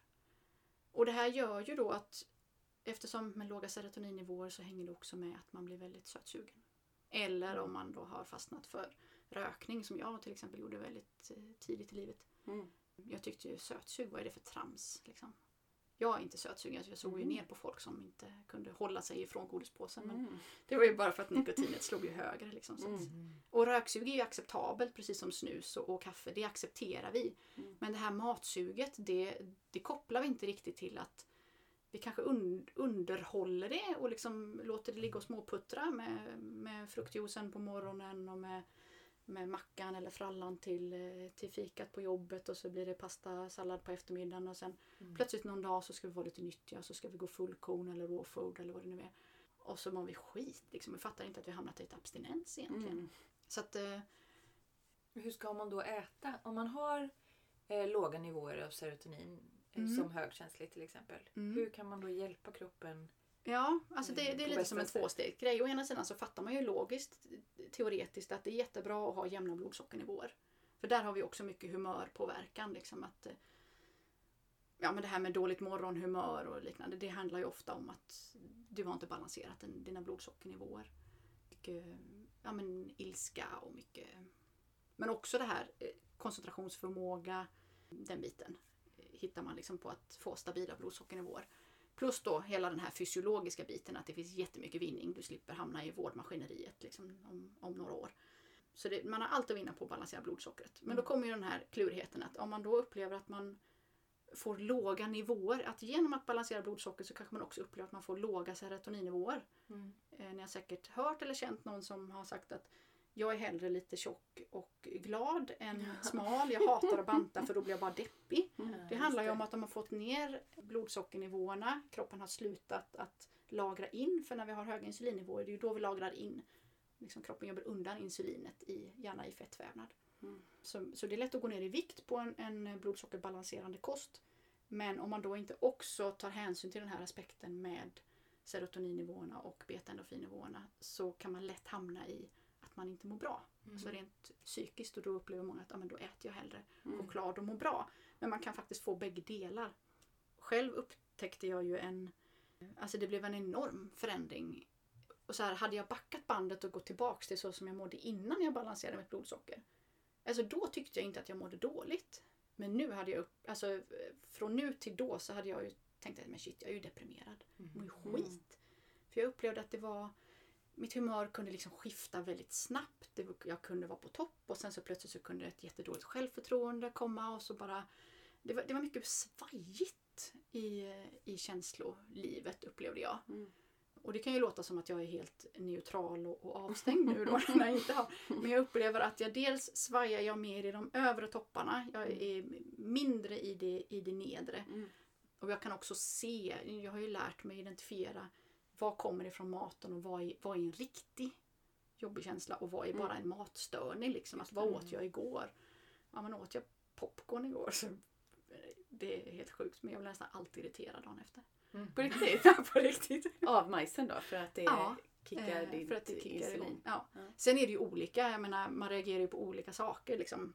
Ja och nu Ehm. tänker jag att du har ju också eh, faktiskt ätit och levt så här under ganska lång Ja, tid. det är ju så du 15 års tid. Så att jag, du lär ju inte behöva så mycket för att bli Nej. kickad. Nej, precis. Och, och anledningen till att eh, jag ganska lätt gick över till liksom att verkligen hålla mig till detta. Det handlar också om att min kropp började inte tycka om att leva på det gamla sättet. Alltså jag fick eh, migrän av kaffet. Jag fick eh, ont i magen av, av vetemjölet. Jag fick svampinfektioner av sockret. Alltså det, det var så Mm. många aspekter som gjorde liksom att... Och, och sen när jag då började märka att ja, men när jag fattade kopplingen att när jag höjer blodsockret så fick jag väldigt ofta huvudvärk. Jag gick in i någon Mm. slags dimhjärna. Jag blev osmart. Mm. Den är jobbig. Mm. Eh, Lite som amningshjärna så. Ja men dimhjärna det är ju Ja. ett begrepp inom, inom eh, sockeröverkänslighet. Ja, inte att man har, och, och plus då att det kan leda till utmattning. Eh, rent för att det fysiologiskt då sliter på kroppen. Så att, Jaha. eh, många angränsande. Mm. Eh, alltså det är bra att jobba från många håll. Som sagt, Mm. man kan ju inte komma hela vägen med bara kosten men man kan lägga en väldigt bra grund i alla fall. Mm. Och lära sig och känna vad är vad är vad? Sen som sagt hade jag ju ett stresspåslag uppe på det. Även om jag hade kosten i balans så lyckades jag ändå liksom stressa sönder kroppen. Mm. Så det går utmärkt att göra det också. Mm. Men man behöver inte göra bägge delar, Nej. eh, tänker jag. Men åter till då vad man kan göra. Mm. Och där kan man ju ha lite olika approacher beroende på vad ens problem är. Om man mår väldigt psykiskt dåligt så rekommenderar jag ju inte total avhållsamhet utan jag rekommenderar att man trappar ner. Mm. För att det inte ska bli som en chock. Liksom att, eh, om man inte känner att jag kan ta och må ännu sämre just nu, det är Mm. okej. Mm. Men generellt så, så är det ju regelbundenhet. Kroppen älskar att äta på bestämda tider. Och framför allt för kvinnor. Det forskning visar att 75% av oss alla är överkänsliga för mat som höjer blodsockret extra högt. Mm. Ja, det. Majoriteten av dem är kvinnor. Men alla är inte det i alla fall. All, eh, det finns väl ett mörkertal också. Ja, det kanske Så är. eh, det kanske är de sista 25. Ja. Nej, nej, Mm. alla är inte det. Min syster är inte det. Till exempel. okej. Eh, Man kan väl säga att, för det hänger ju ofta ihop då med, eller rätt sagt, man kan utveckla en insulinresistans utan att ha ett sötsug men det är ganska ovanligt. Ofta hänger de ihop eftersom du hela tiden kickar ditt belöningscentra. Men eh, så att är man en person som kan hälla upp en godispåse, ta två godisbitar och sen så kan man låta den stå resten av kvällen och sen ställer man in den i skåpet och så småäter man inte under hela veckan och så tar man fram den till nästa fredag och bjuder gästerna. det kan ju typ du göra Karo. Ja, Då, jag. då, Definitivt inte jag. Då har man inte det problemet på det Nej. sättet. Nej, okej. Skönt Eh, för dig. så att, eh, Jag är tvärtom. Jag plockar fram den och Ja. så bara ah, äter jag tills det... Eller det inte här liksom att man, eh, ja men en jättesmarrig chokladkaka till efterrätt om man är hur mätt som helst. Mm. Så finns det ju de som kan sluta mitt i. Och jag kan nu- inte. What? Alltså, Det, ja, det, det finns ju Hur är inte. det möjligt? men jag menar, jag kan inte äta den där chokladkakan då. För det tar... Ja, Jag mår skitilla Ja, ja. om jag äter något mer efter att jag är mätt till exempel. Eller om jag tar mer än tre godisbitar. Mm. Då tar det stopp i mig. Jag hör vad du säger. Exakt. Eh, du pratar eh, kinesiska men, men, eh, det, absolut. det, Ja. det är de 25 procenten. Men snacka om att kroppar är olika Ja. ändå alltså. Vi är det. Så därför är det också så svårt att dra alla över en kam. Ja. Och det just det här att säga att och särskilt då återigen att ja, men de flesta män klarar det bättre. Är du fysiskt aktiv så får du Alltså då har du en annan insulinhantering och klarar sådana här saker mycket, mycket bättre. Vilket gör att du reagerar inte på samma sätt och får inte de här liksom, Ja, okay. kickarna och Så påslagen. fysisk träning hjälper Så- också i alla fall. Det kan hjälpa. Sen finns det, vi kan nämna aspekter kring det också som man kan ha i åtanke. Det, det är ju så lätt att säga att ja, men alla andra kan, då borde jag också kunna. Mm. Bara för att eh, Nisse kan äta eh, liksom tio chokladbitar på raken och sen hoppa över Mm. de fem sista som serveras. Så är det inte säkert att, att jag kan det. Så det här med att vi... Och det, jag tycker det är så himla intressant att se hur vi beter oss kring mat. Att det, det är väldigt lika. Alltså socker, mat som innehåller socker, alltså kakor och, och bakverk och liknande. Och så drar man parallellen till hur beter vi oss kring alkohol. Det här med att äh, kom igen nu, ta ett glas till. Vadå, Mm. du kör väl inte ikväll? Det är klart du ska ha. Mm. Det är samma sak där. Ja men det kan väl du äta, du som är så smal och du ska ut och Mm. springa sen. Mm. Ja, jag stressar systemet nu och sen ska jag ut och springa och jag är kvinna och dessutom stressad. Mm. Så kommer min kropp bara bli ännu mer stressad när jag Ja. går ut och springer. För att då undrar den, vad, vad springer vi ifrån? Vad är det för fara? Så att, att löpträna som, som utbränd är ju absolut inte att rekommendera. Framförallt inte som kvinna. Vad är det Ja. som, eh, som gör att kvinnor är överrepresenterade i det här då? Alltså, Det, är det hormonellt? Ja, liksom? Det är det ju. om? Vi har ju, alltså män har ju ett stabilare horm, hormoniellt, eh, vad ska man säga? System, eller? Ja, alltså Nivåer. hormonerna är ungefär de samma hela tiden. Mm. Vi har ju ett väldigt fluktuerande beroende på vad vi är i vår menscykel. Mm. Så har vi olika nivåer av, av olika ämnen. Mm. Så serotoninnivåerna är ju normalt lägre strax före mens. Mm. Det vi kallar PMS. Det är därför vi vill gärna äta choklad och sånt. Då. Ja. Och därför vi kan bli lite sura och griniga. Det är Eh, precis enda då. gången som jag faktiskt kan bli så här godissugen och Ja. äta mer. Men då Det kan jag, PMS så då. har ju många människor det då jämt. Mm. Ja, fy vad jobbigt. Ja. Tänk hur det känns Det- att vara som Och, jag. och känns då, tänk då att ha haft det så jobbigt och sen lära sig att Mm. inte behöva ha det så längre. Mm. Det är ju en enorm frihet. Mm. Jag kan tänka mig det. Men, eh, men det blir ju lite, man får... Alltså det här är ju samma teorier bakom som om du är alkoholist eller narkoman eller har något annat beroende. Mm. Att du får lära dig att hantera det. Du kan aldrig... Alltså du kan få de där receptorerna att, att slumra och inte längre aktivt skrika efter mer. Men du, går du tillbaks till den där vanan, ja då väcker du dem igen och då är du sjukt tillbaks till det där suget. Så, och sen handlar det ju, jag menar vissa upplever som du säger, ja men någon gång i månaden upplever lite mer, det är inget problem. Nej men fine, då är det, då är det ju inte hela världen. Medan som jag upplevde att det var jobbigt. Jag, jag, liksom, det var ju något annat som styrde mig. Jag ville känna mig fri Mm. från den där liksom, känslan. Plus att jag är väldigt känslig och reagerar väldigt mycket på det. Så för mig är det liksom enklare att gå all in än att vara i det här. Ja men på tisdag kan jag äta det men inte på Mm. onsdag och så på fredag kan jag äta det. Och sen börjar man förhandla med sig själv. Mm. Hur var det nu igen? Skulle jag äta socker på tisdagar eller var det Mm. vetemjöl på onsdagar? För jag kan inte äta dem samtidigt för då får jag alldeles candidöverskott i magen och blir alldeles, det blir gaser och gräsligheter. Man gör Det- många kloka planer i huvudet och Ja. sen hamnar man i den här förhandlingen. Och det är ju det som är så Ja, lustigt med fastat. när serotoninnivåerna är låga. Mm. Då har vi ingen impulskontroll så då går kroppen Nej, på okej. autopilot. Det är därför det är så svårt. Så det handlar inte om man disciplin inte kan dålig karaktär. Precis, det handlar inte om det utan det handlar om en biokemisk obalans. Att du faktiskt inte Ja, jag kan, du kan ju klart du kan ju be någon binda dina händer liksom. Men, Mm. men när tårtfatet passerar förbi så sträcker du fram handen för Mm. att det är liksom, kroppen vet att det här är ett sätt att få upp mina nivåer. Mm. För nu är de så låga så att jag kan inte, jag har ingen egen impulskontroll.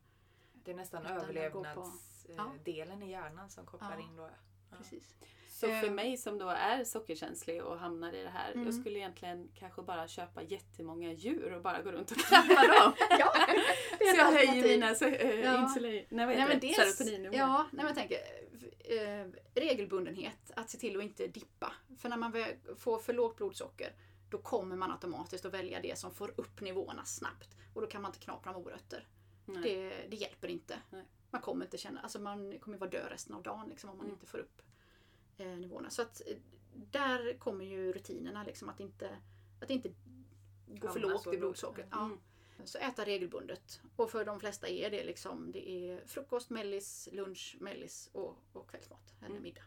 Och sen då att eh, välja fullkornsprodukter för eh, de här snabba kolhydraterna. Alltså välja långsamma kolhydrater. Mm. Och det hade vi kunnat prata ett helt program om bara vad det är. Men eh, långsamma kolhydrater före de snabba. Och om man ändå här, ska äta något sött så är det bättre att ha ätit lite långsamma kolhydrater först för då är det det som kommer ner i magen först. Om man ändå väljer att äta någonting, en, en Snickers eller en, en tårta eller vad det nu är, så är det bättre att äta långsamma kolhydrater först, till exempel en fullkornsknäckemacka innan, för då är det det som går först ut i tarmen, det är det som sätter ribban för hur högt blodsockret ska gå. Just Då får man inte de här topparna på samma sätt. Mm. Så att inför fredagsmyset så kan man liksom börja med att ladda med, med en fullkornsmacka. Mm. Eh, för att eh, slippa de här eh, riktigt höga skadliga Just blodsockertopparna. Mm. Så det är ett sätt som man kan liksom, men det är bara att lägga till och fortsätta sin vardag som vanligt. Ungefär. Gött! Eh, men sen också att man, eh, att man äter protein till varje måltid. Och med det menar jag inte att man ska äta ett helt djur. Det går alldeles utmärkt att, att vara vegetarian och fortfarande få i sig mycket proteiner. Det kan vara nötter, frön, baljväxter, alltså ärtor, kikärtor, mungbönor, vad sjutton som helst.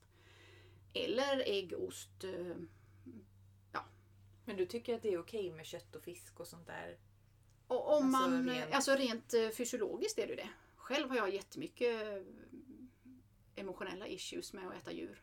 Ja. Det, det tar emot. Äter jag, du helt vegetariskt? Nej, jag äter fisk och skaldjur ibland. Mm. Men just eh, sådana som har liknande muskler som vi. Mm. Det känns... Eh, nej. Mm. nej men för lägger man till protein till varje måltid. Från protein så kan kroppen själv under natten när vi är i djupsömn tillverka serotonin. Mhm. Så det är vårt sätt att själva skapa det. Och ha, äter man det då vid varje måltid, alltså även den där lilla mellisen på förmiddagen och, och, och frukosten. Man kanske tar ett, ett ägg till frukost och man kanske tar, jag brukar alltid äta kikärtor som mellanmål, kikärtor och grönsaker. Och kanske, ja men till lunchen kan man ha antingen ägg om man inte hade det innan eller igen. Eller quinoa, nötter, eh, alla gröna grönsaker inne, alltså broccoli och grönkål. De här de innehåller mycket växtprotein. Mm. Och det är samma sak. Alltså det omvandlas också till serotonin.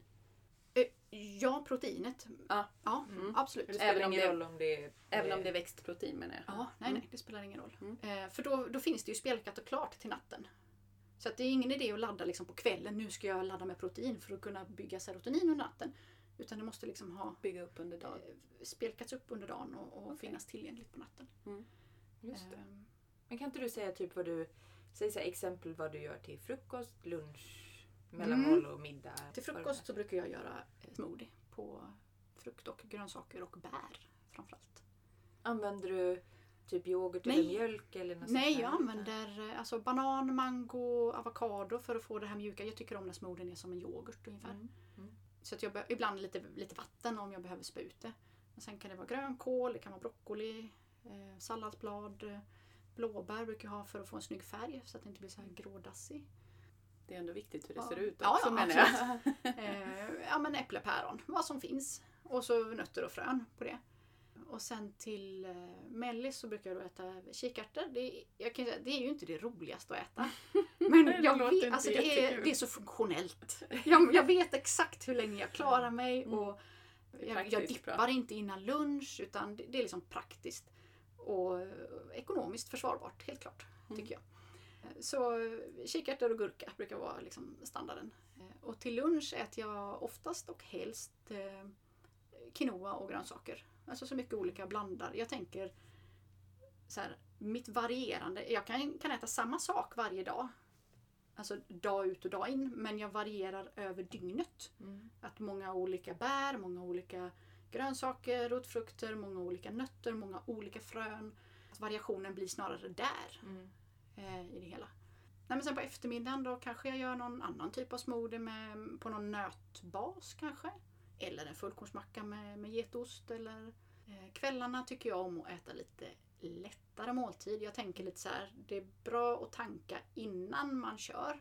Så jag lägger krutet på morgonen och lunchen för att sen trappa ner på Mm. eftermiddagen. Och om jag nu ändå ska välja någonting som ger mig en blodsockerhöjning då är det på kvällen, eftermiddagskvällen jag ska äta för då klarar jag av det bäst. Mm. Eh, och det, det är ett mönster som jag ser hos många andra också. Liksom, att många är känsligare just på förmiddagen för där lägger man lite basen för hela dagen. Det påverkar inte sömnen sen då? Eller så, Ja men det kan det göra absolut. Popcorn till exempel. Då sover jag ju skitdåligt. Mm. Sur och gnällig och vaknar och har de här jobbiga känslorna av att bara inte Mm. kunna somna om. Mm. Så för, fördelen med att balansera blodsockret är ju att sömnen blir ju jättebra. Mm. Det är ju jättelätt att sova. Jag tänker på mjölksocker då. Det ingår ju också i det här blodsockerhöjande. Ja, Sen är vi det. olika känsliga men absolut, den tillhör den kategorin. För du äter ju inga mjölkprodukter alls väl? Inte komjölk, men jag Nej. äter getmjölk och Mm. får. Mm. Det är som jag. Mm. Jag tål get och får men jag tål inte ko, Mm. Nej. Men den här lättare måltiden som du kan äta på kvällen Mm. då, vad skulle det kunna vara för något? Eh, nej men det kan ju vara, det kan vara gröt, det kan vara en omelett, det kan vara eh, men det kan väl vara fisk eller det kan vara fullkornspasta men det är inte det här massiva liksom, ja, men, kött och potatis och så. Det är inte liksom Mm. så här, och det är, inte, det är väl framförallt mängderna kanske, att Mm. jag gör inget, inget jättelass. Nej, just det. Sen jag, jag tycker inte det är så kul att laga mat. Nej. Nej. Så därför ser jag mer så här, vad, vad är funktionellt Mm. för min kropp? Vad känns lätt för dig att göra? Ja, liksom, och så får jag anpassa lite bra? till sonen. Men, eh, Mm, det är Ja. klart.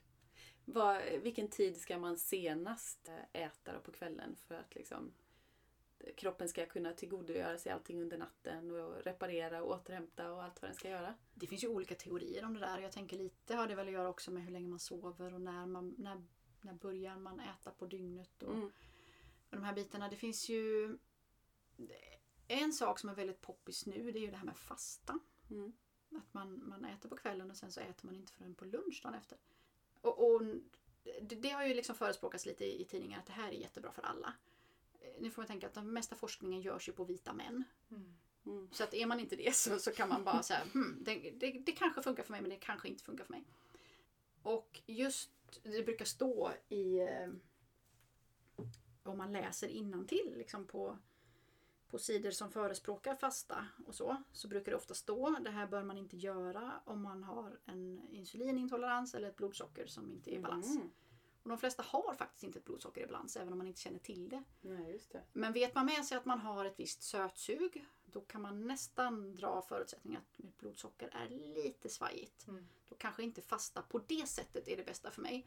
Eh, för där brukar man ju som sagt förespråka antingen en dag i veckan eller kanske att, eh, då, att man har ett stort fönster som man säger. Att Mm. mellan eh, åtta på kvällen och till tolv dagen efter så ska jag inte äta någonting. Där rekommenderar jag snarare att man kanske vänder på steken och då trappar ner på kvällsmåltiden Mm. men ser till att frukosten blir av.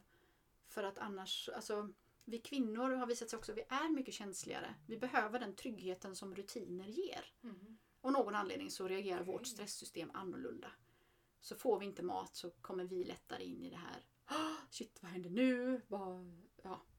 Ska vi äta? Ska vi inte äta? När ska vi äta nästa gång? Och, och, ja. Mm. Så att vårt stresssystem, så har man med sig en utbrändhet eller någon form av insulinresistens eller, eller blodsockerproblem så vänta med fastan tills det andra är i balans. Mm. Sen kan man börja göra sådana saker. Sen är det givetvis jättebra för kroppen att få lite andrum ibland och inte äta så mycket. Men då lägger jag hellre liksom fastetiden kanske från sex på kvällen till sju på morgonen. Mm. Att, för det, ja, under den perioden, och särskilt om man har problem med att sova så är det bättre ät lättare mat på kvällen. Ja, okej. Eh, För då brukar sömnen bli bättre. Kallas den här typen av diet för något speciellt? Nej, folk vill ju gärna stoppa in mig i ett fack. När de frågar så här, ja men vad har du för om jag typ ska på konferens eller någonting Ja. och kommer med mina matförslag. Ja men vilken ruta ska vi bocka i? Liksom? Ja. Är det laktos? Ja den kan du bocka. Gluten? Ja, fullkorn kan jag äta men inte det vita. Men jag vill inte ha glutenfria produkter för det är bara stärkelse. Mm. Det vill jag absolut inte ha. Men åt paleo stenålderskost är Mm. väl kanske det Ja. jag tänker lite så här. Det vi aldrig får brist på det är ju snabba kolhydrater. Mm. I form av den processade eh, maten. Mm. Vi har aldrig upplevt brist på vetemjöl. Vi har aldrig upplevt brist på det vita sockret. På modifierad stärkelse. Vi, kan inte, alltså vi har aldrig upplevt brist på kroppen på det. Så det är ju, ja. Mm. Någonstans där kan man liksom börja sitt resonemang. Att okej, det här är sånt jag faktiskt kan plocka bort utan Mm. att brist uppstår. Mm. Eh, För det är faktiskt mer dränerande än vad det tillför. Mm. Jag tänker om man äter typ så här bönpasta istället för vanlig pasta. Det kan man byta ut. det- Eller fullkornspasta finns ju också. Ja. Om man då läser och ser att det är fullkorns fullkorn och inte så här lite fullkorn och så mycket vetemjöl. Ja, Och så bara för att lansera det, det är lite mycket nyttigare. man får... Ja, man måste läsa. Men man behöver bara läsa en gång. Sen har man ju lärt sig vilka produkter som Mm. funkar. Liksom Ja. Om man tittar Mm. igenom sina vanliga, Mm. vad brukar man äta och så. Precis. Men det tar ju lite längre tid i affären den dagen. Ja. Det- Man kanske får med sig förstoringsglaset också beroende på vilken ålder man har hamnat i. Jäklar vad mycket ansvar man måste ta själv över allt alltså. Ja, ingen annan kommer göra det åt dig. Nej, det är det är Så är det ju. Men det är ju värt det. Absolut. Det är Det är det. ju det. Oh, ja. Det är ju bara den Det- där jobbiga nya invändningsperioden man måste Ja. igenom på något sätt. Och där kanske man måste ha en, en, en motivation. I mitt fall så handlade det ju om att jag fick fysiska problem. Mm. Vilket gjorde att det var inte svårt att motivera sig. Det var liksom bara de här förändringarna behöver jag göra Mm. för att jag ska må bra. Sen tror jag också att det kanske växer fram i samband med att man upplever att man är mer, alltså sitt eget självvärde. Att jag är, är värd att göra de här lite krångligare grejerna för att må så bra. Mm. Och till slut så kommer man till den punkten att när man väl har börjat må bra så blir man ju bortskämd. Mm. Jag skulle ju inte byta ut liksom Nej. pastan mot, mot, en, Eller eh, mot en snabbmakaroner för att gå in i, i dimhjärna och bli Nej. trött och hängig. Alltså det här med att vara trött efter maten, det finns ju inte. Mm. Nej. då har du ätit någonting som gör dig trött. Det är inte normalt. Vi tror att ja, men matkoma där vid tvåtiden, det går alla in i. Mm. Nej, det beror bara på vad du har ätit. Det är så, ja. Ja, Mm. Spännande. Mm. Ja, det finns jättemycket Absolut. att lära sig där. Tusen tack för alla bra tips. Tack för att jag fick Och komma du delar med av prata all av mig. Mm. Du, eh, vad, vad har du för drömmar framöver? Jag vet ju att du har hintat lite om en dröm som du hade, ett eh, skrivprojekt. Ja, jag vill ju börja skriva. Mm. Eh, Det har jag ju alltid tyckt jättemycket om att göra. Och också en sån här sak som ett behov som har blivit åsidosatt under Mm. alla år. Mm. Så att, eh, Och då handlar det ju inte främst om liksom, faktaböcker eller så väl? Utan nej, mer utan åt det mer om vad som vill bli skrivet. skönlitterära. Vi får se eh, lite. Så att, eh, Ja. ja, Spännande. börja en ny hobby. Med Ja. lite, nu blir det kurser i höst, lite skrivkurser Ja, och så får vi se okej. vart det tar vägen. Ja, det ska bli roligt. Men du, om våra lyssnare vill gå in och läsa mer om Mm. dig och ditt företag och så. Mm. Jag har en hemsida som heter susannetornqvist.se och en eh, Facebook-sida Susanne Törnqvist Holistisk hälsa. Just det. Där kan man hitta mer. Håller du fortfarande lite föreläsningar och så om Ja, men det gör jag. Mm. Absolut. Eh, främst är det ju, eh, man kan ju boka privata. Mm. Så just eh, efter, efter coronaslängen här så har jag inte haft så många öppna föreläsningar. Nej. Utan mer, mer privata. Mm.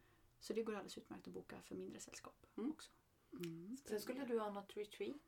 Jag och eh, en som heter Madeleine Magnusson som är relationscoach och yogi och ja, spännande och bra på många sätt och vis. Vi ska ha ett retreat nere i Skåne i Bösarp som är med fokus på kvinnohälsa. Vi kommer prata stress och kost och, och mycket relationer. Alltså vad, vad påverkar vår hälsa? Vi kommer prata allt från karma till sexualitet och hur ärvda mönster, hur vi liksom kan få med oss eh, från våra ja, släktlinjer bakåt och framåt. Och, Spännande. ja, var man sätter vad i kroppen, alltså chakrasystemet. Och, Just det. ehm, så det blir lite så här andens anatomi över det hela också. Det, Kan man ska bli läsa mer om det också på din hemsida? Jag har inte hunnit lägga ut där än. Nej. Men madeleinemagnusson.se, där Mm. finns det. Eller på min eh, Facebook-sida så Just finns det. det. ett event där. Vad bra. Det är nu i slutet av september. Okej. Mm. Lycka till med det. Mm, tackar, tackar. Och tusen tack som sagt för idag. Ja, tack för att jag fick komma. Mm. Hej hej! Hej! Då tackar vi Susanne för idag. Tycker vi fick lära oss mycket spännande grejer. Hoppas att ni kände likadant.